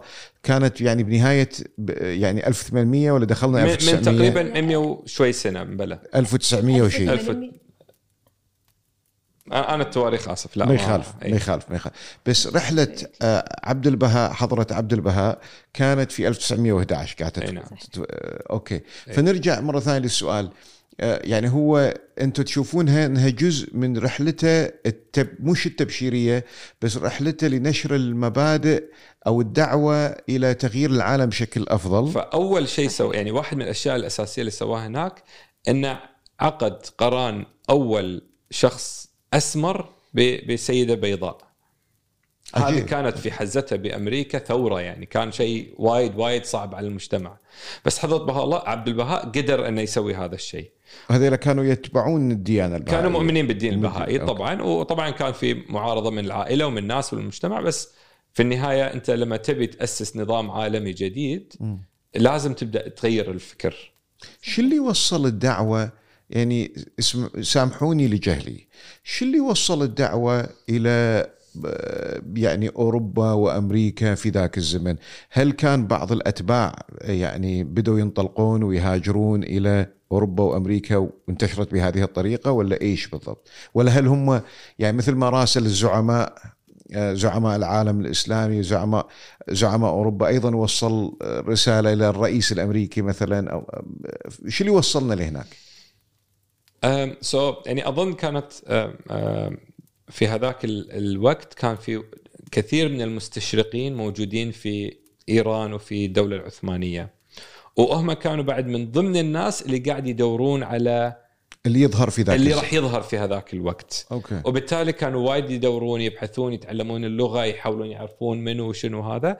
فوايد منهم آمن بالدين البهائي وايد منهم لم يؤمن. بس هم نفسهم اللي أرخوا التاريخ واللي أثبتوا كل هالأحداث بالإضافة إلى المؤرخين ال- المحليين اللي كانوا موجودين في هذاك الوقت. فطبيعي لما ردوا لدولهم. آه، عندهم رسالة عندهم شيء مختلف فهم بدأوا بنشر آه، الفكرة أو أو الناس سمعت بالفكرة. ف حضرة عبد الوهاب آه، استمر في قيادة الديانة والجماعة إلى متى؟ تقريبا يعني قعد ب 20 30 سنة 40 سنة. يعني هو ليه ليه ما صار عمره 80 سنة؟ أي. آه مع إنه يعني تخيل من عمره تسع سنين هو موجود مع أبوه. ما شاف حياة ثانية يعني. أي. فليه صار عمره 80 سنة ومع كل الأمراض وهذا كمل في مسيرته إلى أن آه توفى بعد. توفى. نعم أوكي ف- في لآخر يوم في حياته حتى كان يقول يعني وهو بعمر الثمانين يقول يا ليتني أقدر أسافر عشان أقدر أت يعني أساعد العالم ما تصير فيها حروب لأنه في أيام حياته شاف الحرب العالمية. أولى والثانية. بالضبط. فيعني يعني كانت أشياء هو يحس ان لو البشرية استجابت للدعوة. لهذا الدواء مم. كان الحين ما كانت لازم تعاني كل كل هذا. عجيب. بس إذا تسمح لي بعد أم، كنت بقول أن الصحافة الغربية مم. وايد سلطت الضوء على أم، زيارة حضرة عبد البهاء إلى مناطق مختلفة في أمريكا وفي بريطانيا. هذا الشيء مسجل يعني في التاريخ. وبعد على فكرة أنه عن المبادئ ليش راح وزار الأماكن المختلفة؟ من المبادئ الأساسية في الدين البهائي هو مبدأ تحري الحقيقة. تحري الحقيقة. تحري الحقيقة آه، مبدأ وايد ضروري خصوصا لما نقول أن التبشير محرم.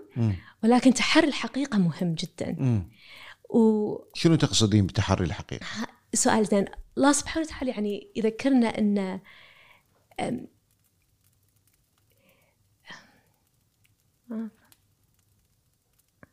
أن ترى الأشياء بعينك لا بعين العباد نص ديني أوكي نفس- وتعرفها بمعرفتك لا بمعرفة أحد في البلاد. مم. إن هذه هي أساس العدالة. إن أنا لما أبي أعرف شيء أروح صج أبحث أستفسر.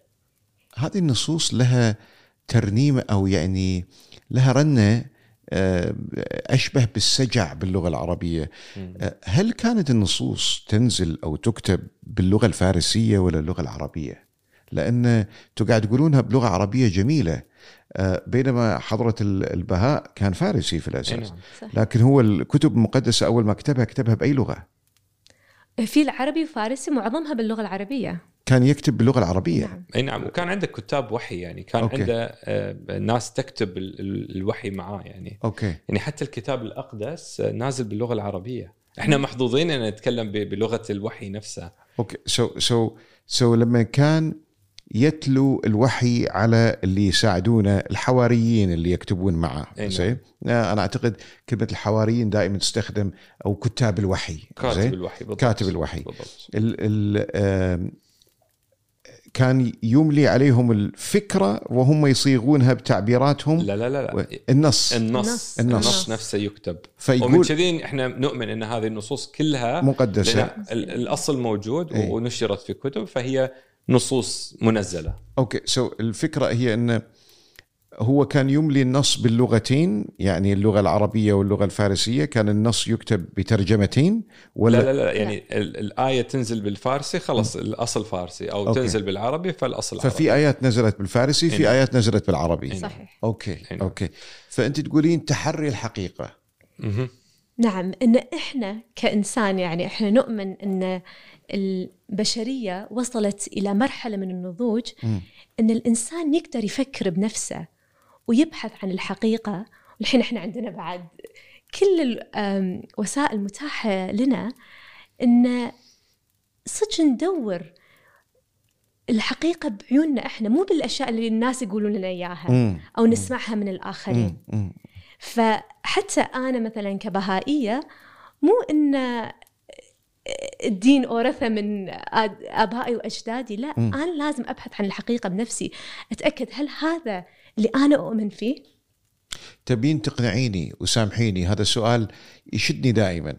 تبين تقنعيني إن لو كانت قناعاتك إذا سويتي دراستك الذاتية وكانت قناعاتك طلعتك خارج الإطار اللي تربيتي عليه راح يكون الموضوع هذا محل ترحيب في الديانة البهائية؟ إيه. يعني أنا دائما انسال هذا السؤال إنه أي. لو ولدك قرر في يوم من الأيام اي بعد بحث إنه ما ما يبي يكون بهائي. اي فجوابي هو إنه إذا أنا ما أبي ولدي يكون بهائي فليش أنا ملزم انه يدرس تربية إسلامية بالمدرسة؟ امم آه. ليش ألزم عليه إنك لازم تقرأ؟ يعني حتى بالقرآن الكريم أول آية نزلت على الرسول عليه الصلاة والسلام. اقرأ. اقرأ. فأظن الإنسان كل ما قرأ أكثر كل ما بحث أكثر راح يقدر يكتشف راح يقدر يعرف راح يقدر يعرف الله سبحانه وتعالى شنو يبي منه. يعني أنت في المدرسة خلي ابنك يحضر إي نعم مع إنه دروس. أول شيء آه، منعوا هذا الشيء. وطلب لأن أنا بشهادة الميلاد مو مسلم إي. فقالوا by default معفى. إي. فكان لازم نروح أنا وأمه نوقع على أوراق. إي. إن إحنا ما نمانع انه يدرس تربية إسلامية. عجيب نعم. ووقعتوا على نعم. هالأشياء هذه أي نعم. ف وإحنا بعد يعني درسنا آه، بالضبط. الإسلام بالمدرسة 12 سنة ويعني بقناعه تامه وبأيام الجامعة أتذكر درست عن الدين المسيحي يعني كنت في أمريكا فكنت أروح ال church مع ربعي. Bible studies تعرف عليهم تعرفت على أصدقاء بوذيين أه، تعرفت شوية على الديانه اليهودية. يعني تعرفت عاشرت الناس أه، وصداقات يعني من مختلف أه، الأديان والطوائف. تدرون شنو أجمل شيء قاعد يصير في الحوار هذا زين اليوم؟ غير إني أنا قاعد أتعلم قاعد أتعلم من هالافكار الجميلة وأتعلم إني أتقبل الآخر وأبدي اشوفه مثل ما هو يبيني أشوفه آه، من مصادره هو. أوكي. هو إن إحنا لما خططنا حق الحوار خططنا إن نتكلم في الحقبة التاريخية بعدين ننطلق في مجموعة أهداف. وانعكاسات.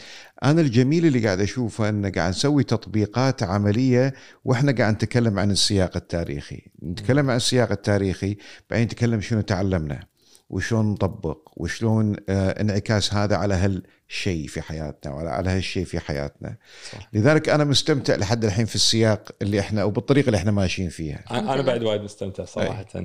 زين فبالتالي الحين حضرة عبد ألو... عبد البهاء نعم. توفى بعمره أي نعم. 80 سنة بس بس يمكن أنا حابب أقول شيء هني لأن لما ذكرتي إن آه، بأمريكا كنت تروحين على كنائس وكذي فيمكن حتى حضرت عبد البهاء يعني في أسفاره جزء كبير من الأسفار اللي سافرها والأماكن اللي راح لها حتى بفرنسا مثلا لما كان أو أو آه، بريطانيا كانوا يعزمونه ترى وايد كانوا يعزمونه على كنائس كنائس, و- كنائس أماكن عامة بالحدائق العامة ويطلبون منه يعني بالنسبة لهم كان غريب إنه واحد جاي من بلاد الشرق ولابس عباية ولابس عمامة. تعال قل لنا شنو يعني مساواة؟ شنو يعني إن أنا أؤمن بالحياة ما بعد الموت؟ شنو مم. يعني إن أنا أخلاقي تكون متطابقة مع أفعالي؟ مم. شنو يعني لازم يكون في تطابق علم ودين؟ فطبيعيا الحوارات هذه كانت لما تصير أو أو يعطيهم الفكرة البهائية عن كل مبدأ من المبادئ هني وايد ناس كانوا يؤمنون آه، بالدين البهائي تمام. عندما توفى حضرة عبد البهاء أي نعم. هل تم استلام زعامة الديانه من شخص ثاني بعدين؟ آه، بالضبط. فكان ما عنده آه، أي أولاد ذكور حضرة عبد البهاء. أوكي. بس لازم إنه هني يتأسس شيء مختلف. إيه. يعني مرة ثانية ال- ال- الدين موجود الأتباع موجودين بس الوحدة هي محور كل التعاليم وكل الأحكام. فهني آه، حتى حضرة عبد البهاء كان كاتب في وصيته إن منو راح يمسك زمام آه، الأمور؟ اللي كان حفيده ال- ال- الأكبر. حفيدة ابن حفيدة. بنته. إي نعم. ابن بنته. إي نعم. زين السؤال التلقائي هني. إي نعم. ليش ما سلم إذا ماكو إذا مساواة موجودة ليش أي. ما سلم الزعامة لواحده من بناته؟ لأن المجتمع في هذاك الوقت ما كان يتقبل. أوكي. يعني المجتمع إلى اليومنا هذا هل هل المجتمع راح يتقبل أن نقول يت رسولة مو رسول؟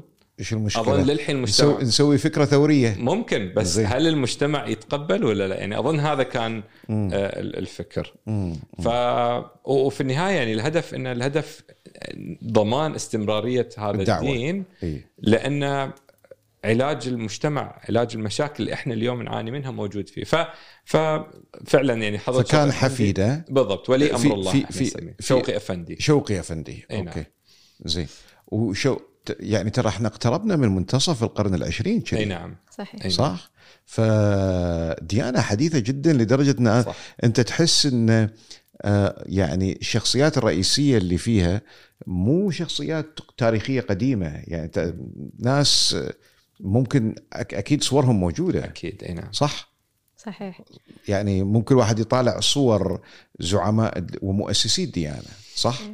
أم، يعني أي بس يعني إحنا نعتبر إن صور حضره بهاء الله وايد مقدسة و- وما ما نتداولها ما ولا تتداولونها. ننشرها ولا أي نعم بس ماكو صور منشورة لها على مواقع على الإنترنت ولا كذا؟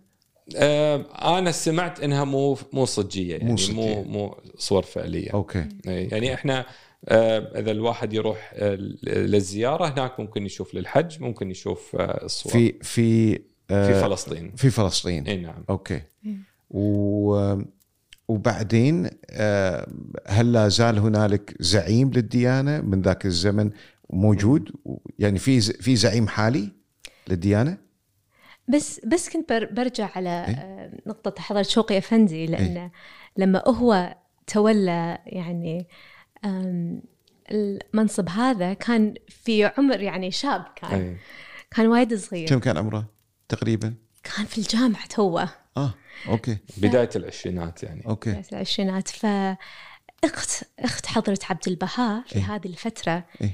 كان لها دور عظيم جدا في إدارة شؤون ال... في إدارة شؤون الدين البهائي في مساعدة آه، حضر شوقي أفندي فإن شلون أصلا يعني يقدر يتملك القدرة إنه يقوم بهالمهمة إيه.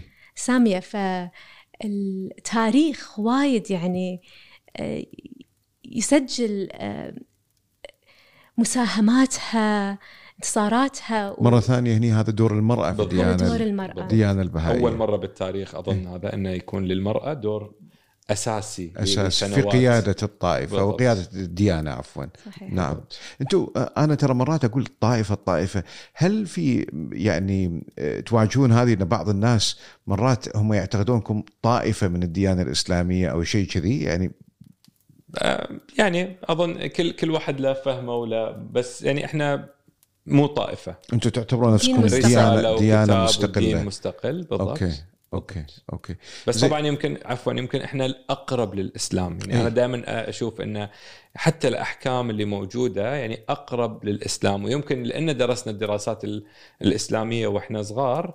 فوايد سهل علينا إن نبحث ونقرأ الآيات والألواح المختلفة مم، مم، مم. آم، لأن خذ تتابع انت قاعد تتكلم على تتابع ال- ال- الرسالة. تمام. فهو هي نفس النغمة نفس اللحن نفس ال- الكلمة الإلهية اللي قاعدة تنتقل من ال- ال- القرآن الكريم إلى الكتاب الأقدس إلى الالواح زعامة الديانة آه، بعد شوقي أفندي شنو صار فيها؟ بالضبط. آه، so so هني يمكن نوصل للمؤسسات.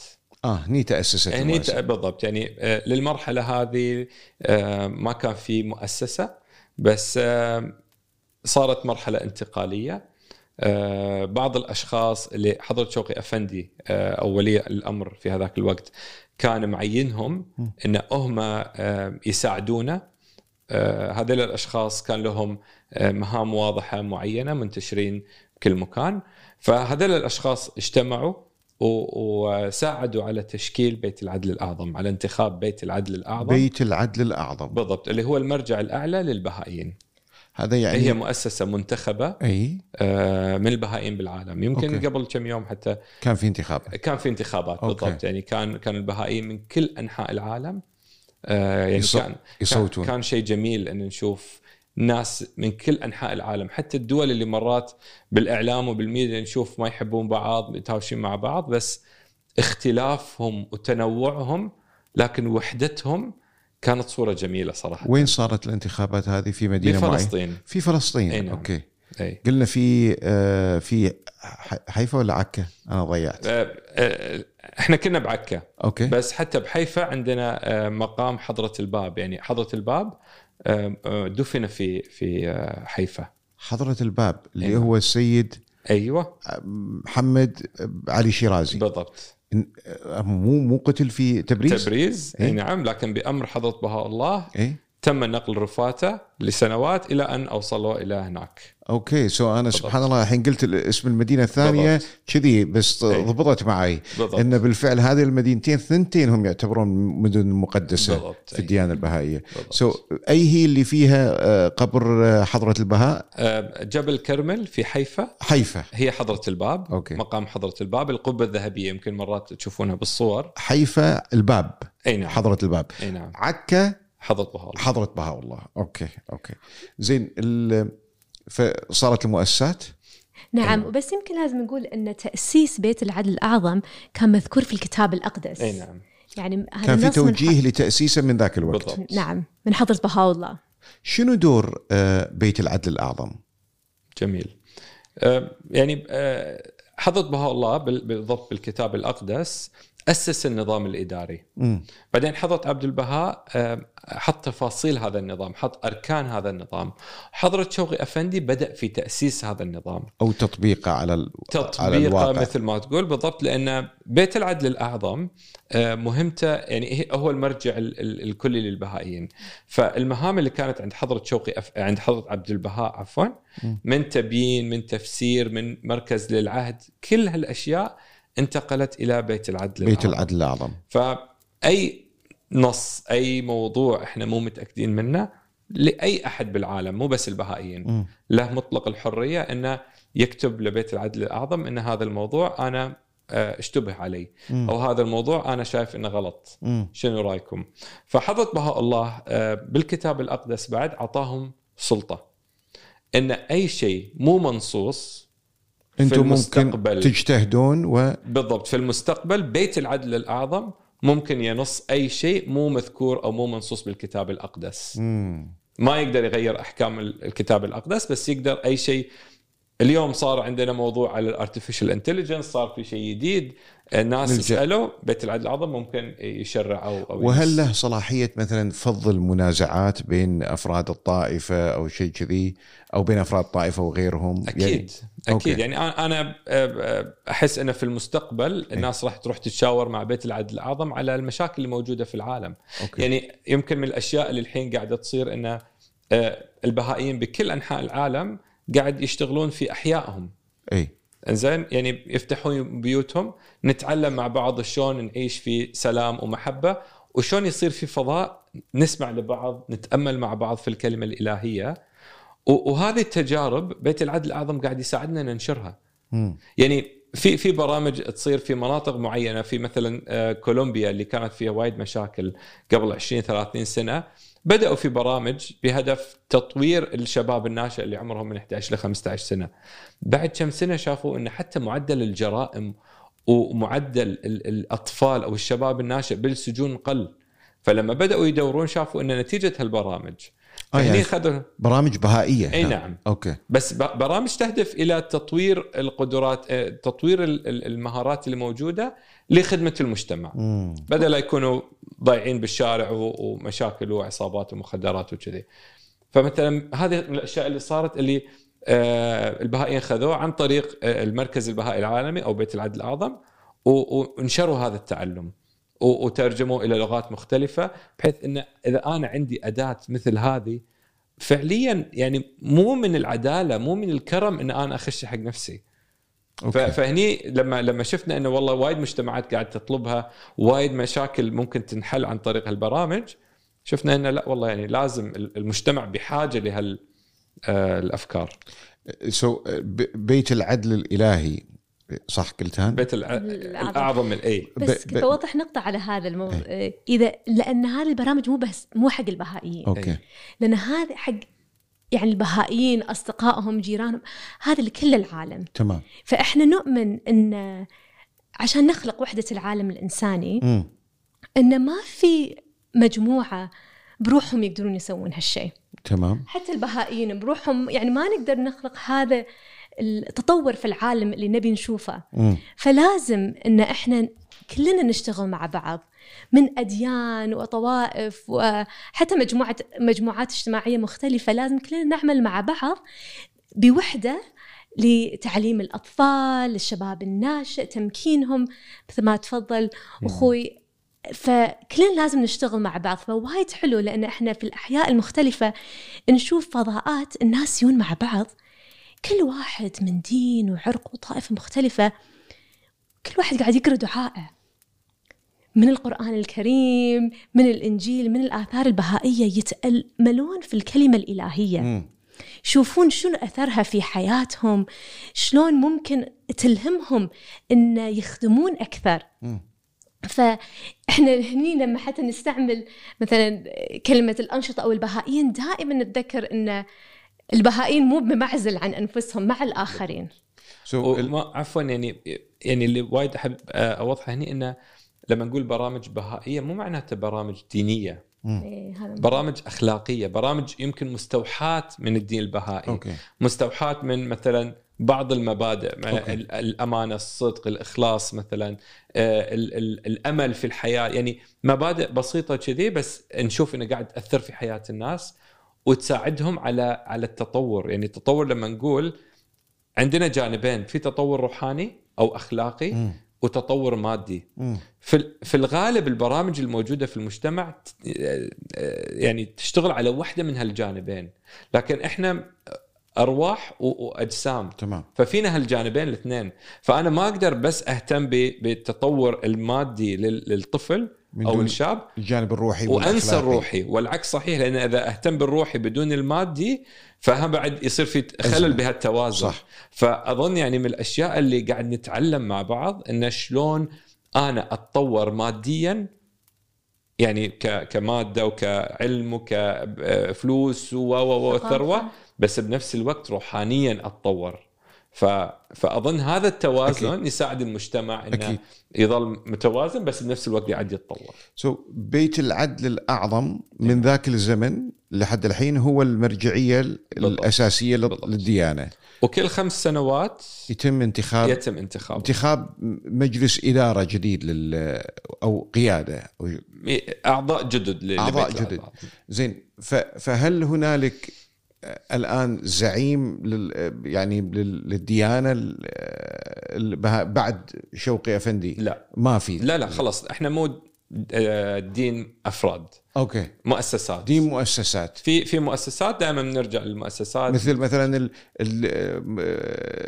المؤسسة البهائية في الكويت المؤسسة البهائية في البحرين الكذا الأمور بهذه الطريقة. بالضبط. وذا كلهم ينتخبون بعدين بيت العدل الأعظم بالضبط بالضبط يعني أوكي. يعني عندنا المحافل ال- المحلية مم. حق كل محافظة مثلا مم. تسع أفراد ينتخبون من أعضاء ال- الجامعة البهائية هناك ويمكن أنا هني بعد حابب أذكر آه، شيء عن الانتخابات مم. إن في الانتخابات البهائية آه، في بعض الشروط.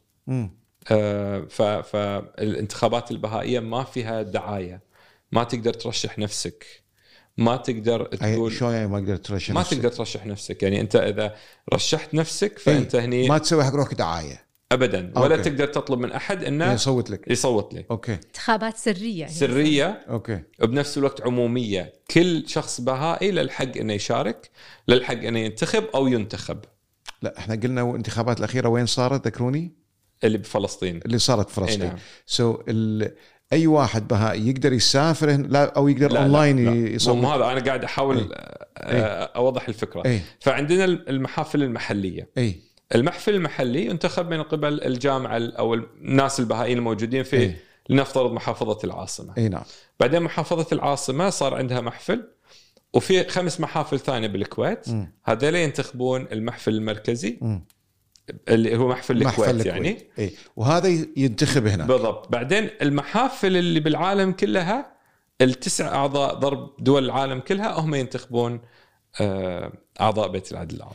عندي بس سؤال فني. كلمة محفل أي. بعض الأحيان تثير مشاكل. أي نعم. لأنها دائما يربطونها بالماسونية. صح. زين؟ فممكن توضح لي النقطه هذه آه، بس لإزالة اللغط. يعني آه، حضرة بها الله استخدم مصطلح محفل آه، أنتم أنتم ما لكم علاقة بالماسونية. لا لا لا. أكيد. لا أنا لا لا ما سامحني ما بالسؤال. لا لا بالعكس. يعني أتمنى ما. ضايقكم. حلو السؤال. بس زين. يعني آه، أنا قاعد أسأل قاعد أفترض اللي قاعد يسمعنا صح. راح يجيها السؤال هذا في باله. يعني شوف ده يعني للأسف إحنا مرات ال- المجتمع أو الميديا يغير معنى بعض المصطلحات. اي آه، فمثلا آم، ال- المحفل صح إحنا صرنا أول ما نسمع محفل على طول نربطه بالماسونيه أو حركات معينة. بس حضرة بها الله استخدمه لأن أصل الكلمة آه، تدل على المكان اللي فيه البهجة والسرور احتفالية. وبنفس الوقت الروحانية موجودة فيه فدائما يتفضل هذا المحفل الروحاني هذا الجمع الروحاني هذا. المحفل السماوي يعني حتى اللي يقرأ الآيات راح يلاحظ هالكلمة. تمام. فاستخدم المحفل على أنه يدل على طبيعة العلاقة بين الأفراد اللي يكونون في هالاجتماع. أنا ما راح أسألكم أسئلة وايد تقليدية زين عن يعني شلون تصلون شلون تصومون هذه لا عادي كل أسألنا. أم، يعني أنا قصدي إن وايد من هالمعلومات هذه ممكن تكون موجودة في مواقعكم والإنسان ممكن يوصل لها بشكل بسيط. بس تدري شلون؟ دام قلت لي سألنا بسأل بسألك. زين؟ يعني شغلات كذي سريعة. أه، أنتم عندكم صلوات يومية؟ أكيد صلاة يومية طبعا مثل يعني ما- أظن في أي دين ما في صلاة يعني هذا لا هذا أكيد. يومية نفس أي نعم. المسلمين نعم، موجود. كم صلاة كم مرة؟ فإحنا عندنا ثلاث صلوات إي آه، الصلاه الكبرى أي. الصلاه الوسطى والصلاه الصغرى أوقاتهم آه، أو- أوقاتهم الصلاة الصغرى آه، تصلى من ال- الظهر إلى ال- الغروب أوكي إنزين والصلاة الصغرى هي عبارة عن آية آه، صغيرة طبعا الواحد يكون في حالة وضوء وفي حالة آه، توجه وضوء أيضاً. وقبلة طبعا okay. أي نعم يشبه الوضوء اللي موجود عند المسلمين تقريبا. okay. و... يعني آه، الوضوء مع الماء أي وبعدين في آية ال- الواحد يقولها ويتوضأ تمام. فبالنسبة للصلاة الصغرى هي عبارة عن آية الواحد يقول فيها أشهد يا إلهي بأنك خلقتني لعرفانك وعبادتك مم. أشهد في هذا الحين بعجزي وقوتك وضعفي واقتدارك وفقري وغنائك. لا إله إلا أنت المهيمن القيوم. فيعني أظن هذه الآية آه، الواحد يقرأها. أنا أنا بالنسبة لي فهمي الشخصي الصلاه الصغرى هي حق ال- ال- ال- المرضى أو الأطفال أو اللي ما يقدر أو ايا كانت هي لأنها آية وايد قصيرة. فالصلاة هي عبارة عن تلاوة هذا الشيء. هذه الآية. بس. هذه الصلاة الصغرى. هذه الصلاة. لكن الكبرى وتكون متجه ناحية القبلة. طبعاً. القبلة. الكبرى والوسطى لا آه، أطول وايد فيهم ركوع فيهم سجود فيهم نص منزل okay. ل- لكل حركة لكل مم. ركوع سجود.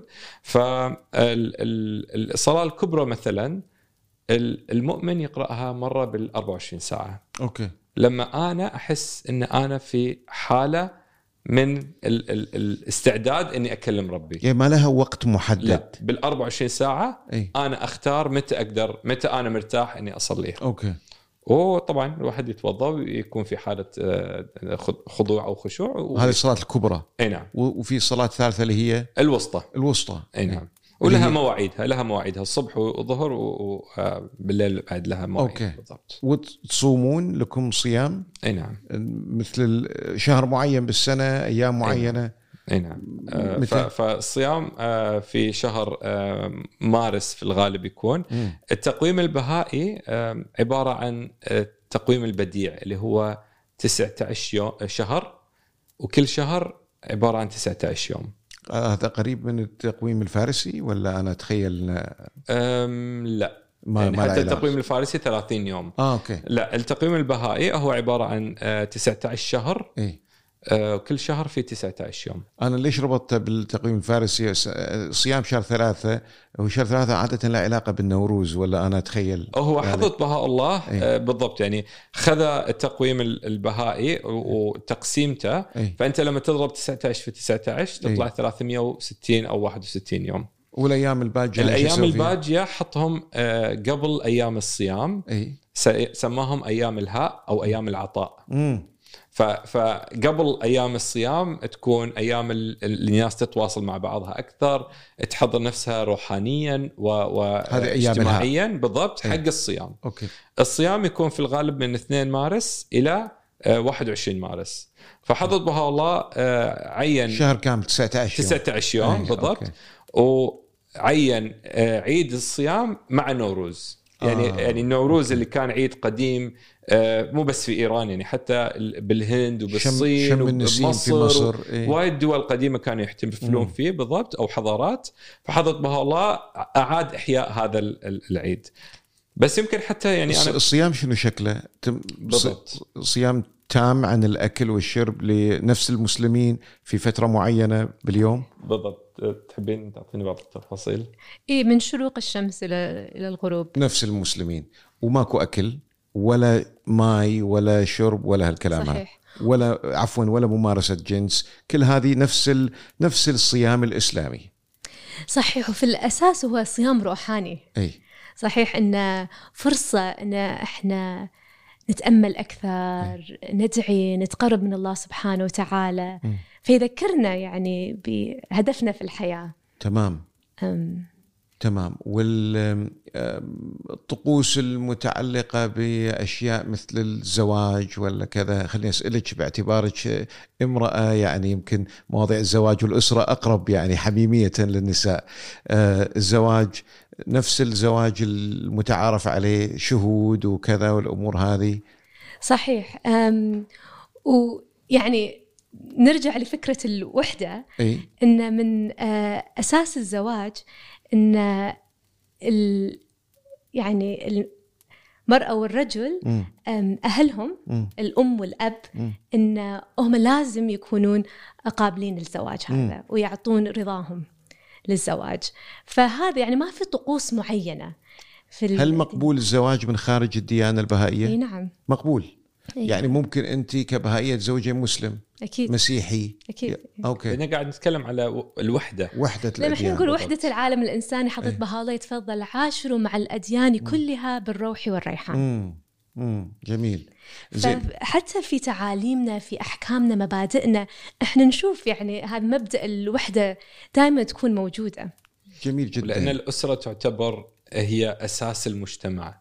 فإذا تبي تبني مجتمع متحد فالأسرة لازم تكون مبنية على أساس صحيح وبالتالي موافقة ال- الست أطراف مهمة ل- لعقد ال- القران. فإذا واحد من الاهالي مو موافقين أها. هذا الزواج ما راح يتم. آه. والزواج يتم ب- بحضور آه، شاهد أو شاهدين ومهر يندفع. وطبعا المهر هم بعد حضرت به الله عينه بمبلغ رمزي جدا. معين. معين ورمزي جدا لأن في النهاية الزواج هو عبارة عن ارتباط روحاني, روحاني. ارتباط روحي ما بين الشخصين وارتباط ما يكون بس في هالعالم. امم ارتباط راح يمتد إلى العوالم الإلهية فبالتالي مو بيع وشراء ولا عملية تجارية.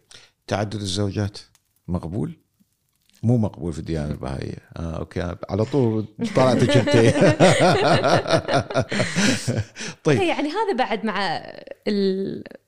طيب يمكن استلزامات الع... يعني المكان والعصر اللي إحنا موجودين فيه. أي. اي الآن عندي نقطة قد تكون حساسة شوي زين؟ فاخذوا راحتكم إذا تحبون تجاوبون ولا ما تحبون تجاوبون يعني ليش هذا الموقف الحاد في بعض الحكومات من الديانة البهائية؟ يعني إيران تحديدا زين؟ آه أنا أتابع بعض بعض الدول العربية بعض مو كل في موقف حاد من الديانة البهائية. مثلا دولة البح... مملكة البحرين في موقف متقدم جدا من التسامح مع الديانة البهائية اللي تعتبر ديانة رسمية في مملكة البحرين إذا ماني غلطان صح؟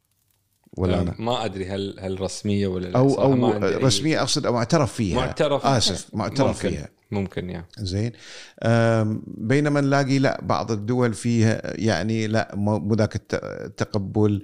في ضجة صارت قبل كم سنة في مصر على البهائيين في مصر وخانة الديا- الديانة كان. مسموح لهم صح. يكتبون بهائيين. بعدين لا تم حرمانهم من ذلك.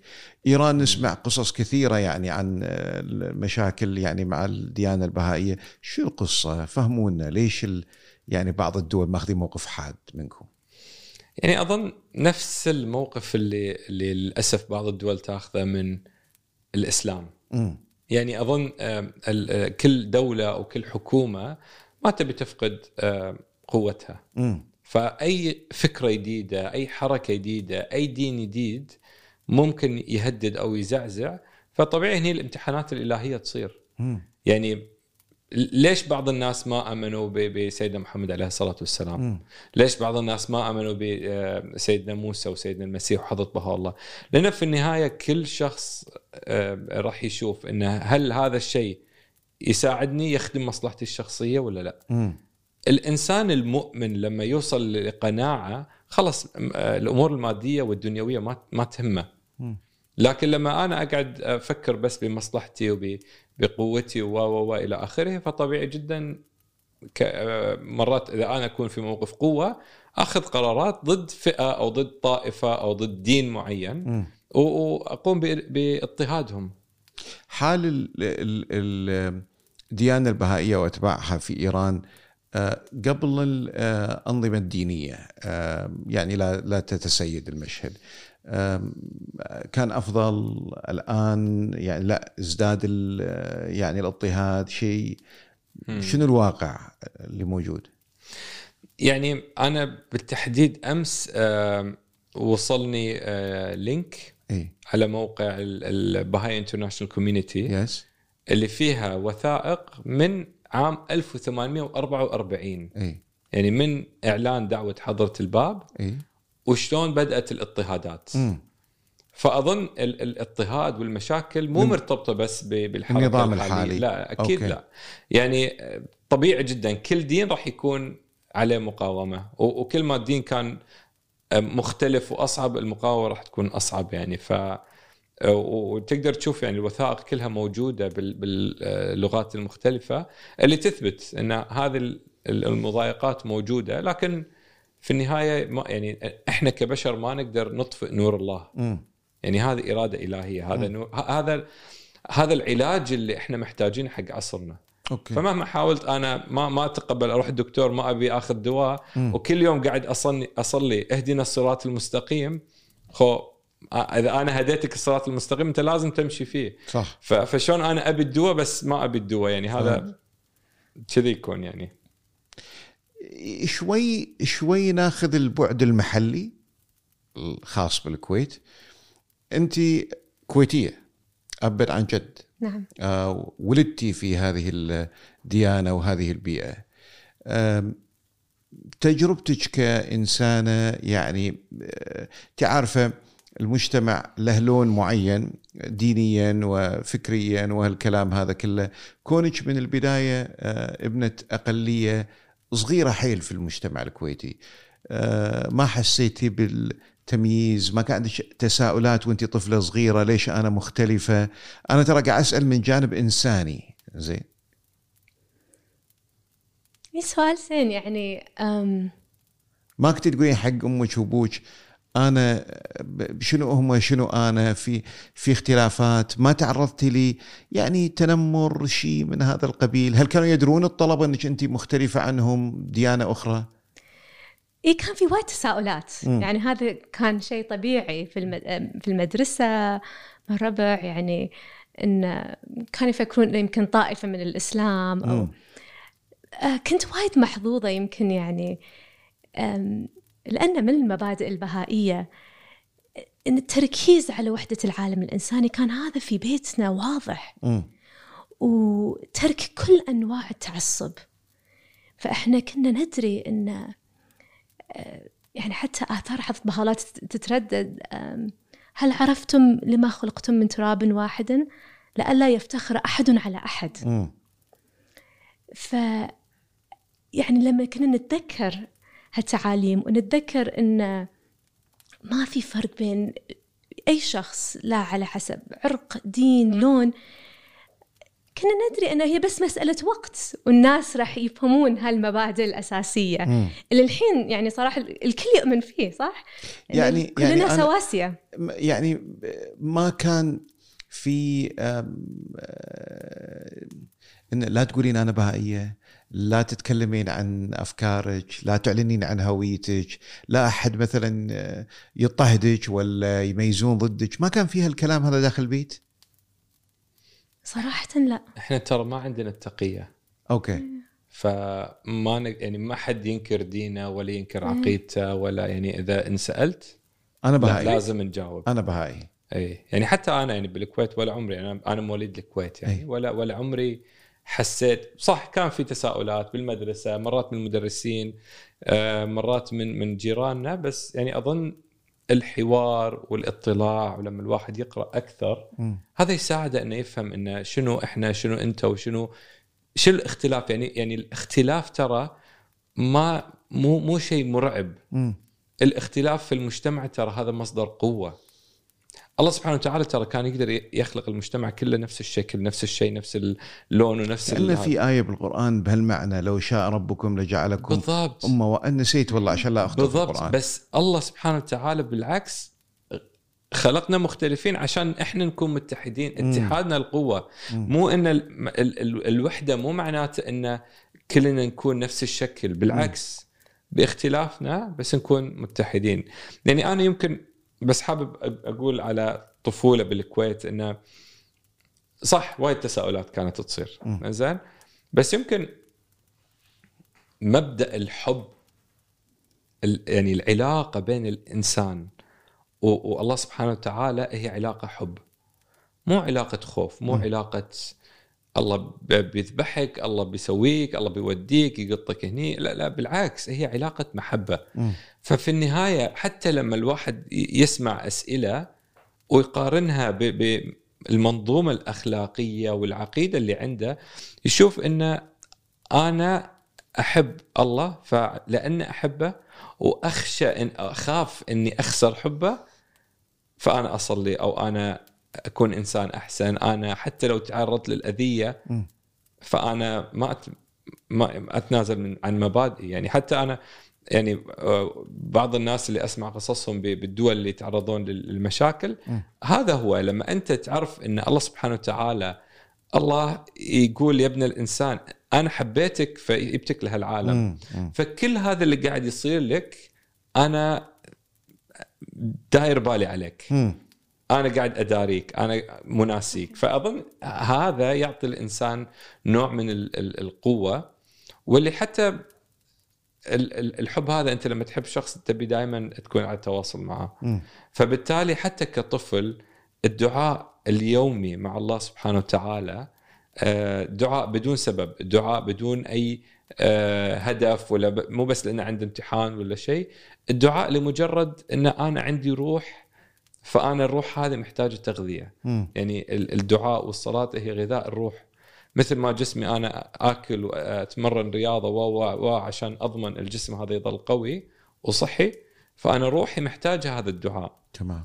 فكطفل عرفت يعني كل هالتساؤلات وكل هالأسئلة موجودة بس أظن وجود هال هالفكرة والقوة في قلب الإنسان تعطيه قوة في الروح وقوة ال- القلب.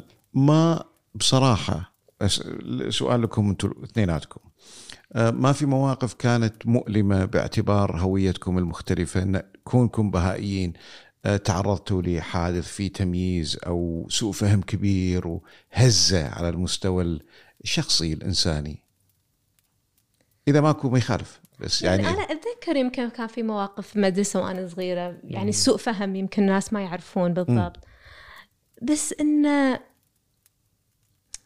يعني مثل ما كان آه، أخوي أديب يتفضل عن حب الله. للإنسان هذا الحب بعد إحنا ننقله. بين بعض. هذه المحبة يعني حضرة بهالله يتفضل دع قلبك يشتعل حبا وودة مم. لكل من تصادفه في طريقك جميل فلما هالمحبة تكون في قلوبنا بعد صح يمكن نسمع كلام يعني نتأذى شوية نزعل نروح عند أهلنا يعني بس هذا ما يساعد إحنا منو؟ إحنا ندري قيمتنا كإنسان. مم. الإنسان نبيل. يعني شرف الإنسان ونبلة موجود ف لما الإنسان يعرف هويته الحقيقية. مم. يمكن حتى مفهوم الهوية الإنسانية مفهوم مهم نتكلم عنه شوية. إن الإنسان في الأساس روح. مم. وهذه هي الهوية الأساسية. في الهويات الثانوية اللي هي العرق الخلفية كل هذه هويات ثانوية. ولكن هذا يعني مثل مثل صبغ لون زين لكن الأساس بالضبط. واحد. مثل لبس أساس لابسه اي بالضبط. اي جوهر الإنسان هو روحه. مم. فلما إحنا نكون يعني نعرف هال نكون مقتنعين مم. بهذا المبدأ أشياء تي وتروح يعني وإحنا نؤمن مو بس إنه بنب لي أنا ولكن بنب للشخص اللي قدامي. حتى لو كان مختلف عني حتى لو كان مختلف حتى لو قاعد يحكم جمال. علي ويأذيني يعني أظن إيه. هذا هو ال- ال- المصدر إنه حتى لو أنا تعرضت لموقف يعني أنا قاعد أحاول أفكر أوكي في مواقف وايد في مواقف مم. بس أظن ما ما ناخذها بشكل شخصي مم. يعني ممكن إن إن آه، في لحظتها أتأثر مم. بس يعني أنا شخصيا تعلمت إن آه، في في بيان من حضرة بها الله يتفضل إذا خطر بخاطرك فكرة من الحرب قاومهم بفكرة أقوى من السلم من السلم وال- والمحبة. فيعني حتى الفكرة مجرد فكرة للحين ما تشكلت ما تكونت. بس إيش كثر أنا لازم أشتغل على نفسي وأحاول إن فكرة الحرب هذه أبدلها بفكرة محبة والفكرة تكون أقوى منها فأظن هني نشوف شلون ممكن مثلا إذا نبي مجتمع أحسن فالعنف لا يحل بالعنف أو إذا واحد أذاني أنا أقدر أذيه بس هذا ما راح يحل ال- المشكلة ولا المجتمع عندنا آه، تقريبا آه، يعني كذي تقديريا كم عدد الأفراد الجالية البهائية في الكويت؟ كويتيين وغير كويتيين. يعني أظن على حسب آخر الاحصائيات كانت أه، بعض المئات العوائل. مئات العوائل. إي. أوكي. يعني كعدد أفراد بالآلاف إحنا قاعد نتكلم. يعني أنا أنا أعرف العوائل حاليا يعني ما أدري شنو بالضبط العدد. وعدد آه، يعني تقريبا العوائل الكويتية البهائية إيش كثر؟ يعني في منهم الكويتيين مو الكويتيين. إيه. بس المفهوم بعد ترى يعني مو مو الهدف التمييز. إيه إيه، أنا- أكيد. إيه أنا إيه، ابدا. فاهمة بس لأن أنا أديب بالنسبة لي كويتي يعني يعني ثقافته ولادته أنا أحس حتى شعوره وانتمائه يعني. أكيد. ف بس القصد مو مو التمييز في السؤال. قصد بس كذي بعض الأحيان نبي نعرف بعض الأحجام الارقام تقرب المعنى. صحيح لأن في يعني بهائيين متواجدين في جميع أنحاء العالم والكويت دولة صغيرة فالعدد فيها أكيد وايد يعني أصغر. عشر عوائل عشرين عائلة شيء إيه، كذي تقريبا بهذا موجودين، الحدود. إيه تقريباً. نعم ف- بس هذه فكرة المواطنه توني بغيت إيه. أسألك لأن من البداية كنت قاعد تشيرين لها وعلاقتها بطريقة تفكيرك والأشياء اللي انت استلهمتيها من آه، من تعليمات حضرة البهاء. نعم يعني أعتقد هالأيام إحنا قاعد نربط مفهوم المواطنة شوية بالجنسية. أي. بس المفهوم وايد أوسع من كذي. فكل شخص تربى بمكان تعلم فيه كبر فيه قاعد يشتغل يخدم يعطي من قلبه وروحه وهو ينتمي لهالمكان. طبعا. فالسؤال وبالشيء بالشيء واحد جنسيته تنتمي لهذا المكان لكن ما قاعد يخدمه ولا قاعد يسوي له وبالعكس قاعد يبوق منه. هذا ينتمي لهذا المكان؟ بالضبط. إيه. هذا هو السؤال. هذا هو السؤال. فالسؤال اللي إحنا لازم نسأل نفسنا إن إحنا شلون ممكن نعزز أسس الوحدة مم. بين جميع أطياف المجتمع الكويتي؟ تمام. علشان نخلق نموذج لمجتمع متعايش مع بعض. وهذا التعايش ما يأتي إنه بس أنا أشوفك من بعيد لبعيد و... وسلام يعني. إن شلون إحنا نكون صداقات حميمية نعاشر آه، بعضنا البعض. آه، العوائل تعرف بعضها. شلون يشتغلون مع بعض يعني. فإحنا والله يعني إيش كثر نشوف ناس يعني يحبون الكويت يعزونها يخدمونها يعني أكثر من يمكن حتى من حضرتك بس. فهذه هي المواطنة الحقيقية وهذا المفهوم اللي المفروض يكون سائد في المجتمع.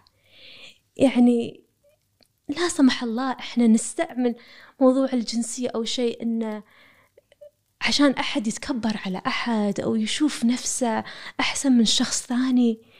يعني وين راح نوصل طبيعي. كمجتمع إذا إحنا سوينا هالشيء؟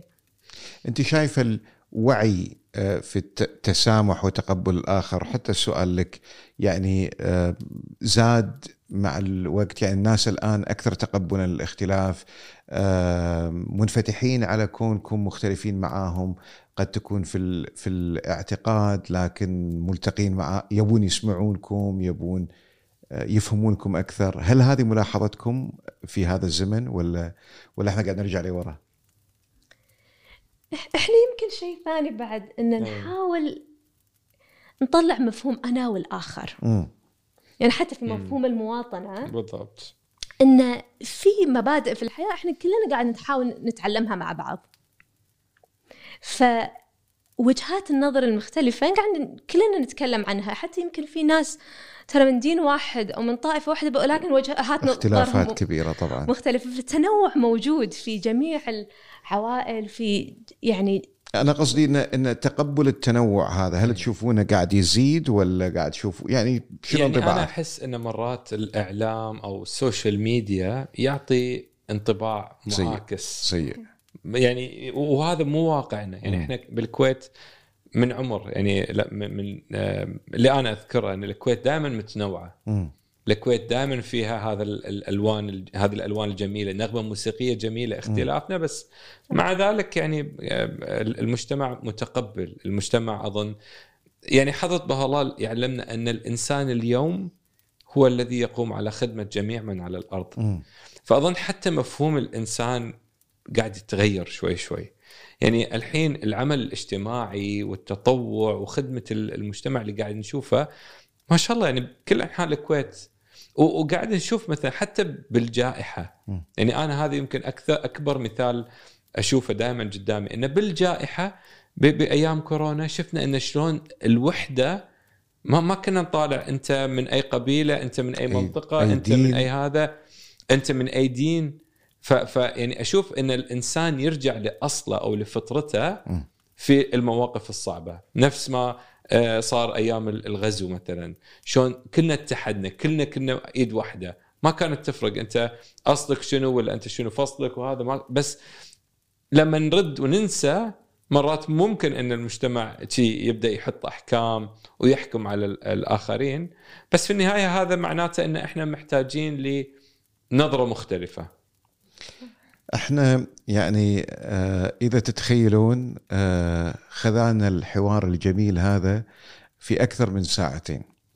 يعني ومروا علي أنا بسرعة ما حسيت فيها. أنا دهشت وأنا قاعد أراقب الوقت الآن. تعبناكم. بس. آه. شنو في من رسالة أخيرة حضراتكم ودكم يعني اللي قاعد يسمعنا ياخذها منكم اليوم؟ ladies first ولا أنت من البداية اليوم ما أعطيتها المجال. ونقول ladies first ما أعطيتها. بس في يعني تعاليم وايد ممكن نتكلم عنها. مثلا في أهمية التعليم. مم. إن إحنا شلون نشوف الإنسان كمعدن مليء بالأحجار الكريمة. جميل. وإن التربية هي اللي تخرج جواهر هذه الأحجار. الله. فإحنا يمكن تطرقنا للموضوع شوية إن أهمية دور الأب والأم في تربية أطفالهم وأيضا للمجتمع دور. ومن هالأحجار الكريمة الموجودة. في كل شخص. يمكن نشوف في الأطفال تحديدا. هي مواهب وقدرات مختلفة ويمكن من أهم الأحجار هي الفضائل الإنسانية الأخلاقية اللي الشخص ممكن يوريها لأن هذه الصفات الروحانية هي اللي ناخذها معانا للعالم الثاني. فشلون المجتمع ممكن يلعب دوره في تربية الجيل القادم؟ إن شلون إحنا ممكن حتى فكرة التعايش بعد كنا بنتكلم عنه أكثر إن نشوفه في مجموعات صغيرة من الأطفال كل واحد عرق دين لون مختلف مختلفة مع تماما. قاعد يتعلمون صح. عن مبادئ يعني تهمهم في وقتهم الحالي وفي وفي مستقبلهم. ف يعني إحنا ممكن نكمل مدة طويلة بس أي. كان هذه يمكن كانت فكرة كنت أبي أركز عليها. أهمية الأطفال وأهمية التعليم. جميل جدا جميل جدا. والأطفال هم الغرس الأساسي. إذا قدرنا نشكلهم بشكل بعيد عن هذا ال- الأمراض الاجتماعية اللي إحنا قاعد نزرعها فيهم من تقسيمات ومن يعني تعصب وتحيز وأفكار مسبقة وكذا اللي قاعد يحرم المجتمع من إنه ينمو بشكل بشكل جميل ويخلي البشرية تستفيد من تنوعها ومن من اختلافاتها. أديب. أنا آه، ودي أشكرك على هذا هذه المساحة الجميلة واتمنى إن نقدر مع بعض نتعلم إن شنو الأشياء ال- ال- اللي نقدر نستفيد من بعض. لأن في النهاية لما نقول إن الأديان مو أديان هو دين الله واحد فبالتالي ال- المشترك أكثر ال- النقاط ال- ال- المتشابهة أكبر بكثير من الاختلاف. الاختلاف الأشياء البسيطة ال- الثانوية ال- آه، اللي تحكم آه، الظروف الاجتماعية آه، لا تخلينا هذه آه، نسكر الباب على بعض ولا نستفيد من بعض لأن إحنا عايشين في مجتمع واحد مصيرنا واحد ويعني اللي اللي يصيبك لا سمح الله راح يصيبني وراح يصيب عيالي. فإذا ما فكرنا مع بعض شلون مجتمعنا باكر راح يكون أحسن شنو المجتمع اللي راح نورثه حق عيالنا فللأسف المجتمع ما راح يتغير ولا راح يتطور. 100% هذه كانت محاولة لتشجيع التعايش وقيم التعايش فيما بيننا وبين بعضنا البعض. إحنا آه، متنوعين وأعتقد جمال البشرية في تنوعها. أعتقد ما لازم نخاف من ان نتحاور ما لازم نخاف من إن نتناقش نسمع بعضنا البعض نشوف شنو أفكار بعضنا البعض. يمكن نتفق يمكن نختلف. بس المهم إن إحنا ما يكون بيننا هالحواجز النفسية اللي اللي تمنعنا من إن نتعاون مع بعضنا البعض لأن التعاون هو اللي راح يضمن لنا حياة أفضل ويفضل ي- و- ويخلق حق عيالنا آه، يعني مستقبل قد يكون حتى أفضل من المستقبل اللي إحنا عشنا فيه. نوره. نتمنى. نتمنى إن شاء الله. الله يعطيكم العافية. الله يقويك دكتور. مشكورين وايد على هاللقاء الجميل. الله يعطيكم العافية. وطمعان إن شاء الله في المستقبل يكون لنا لقاءات أخرى. أكيد. مشكور إن شاء ما الله. قصرت. يعطيكم العافية. شكرا جزيلا.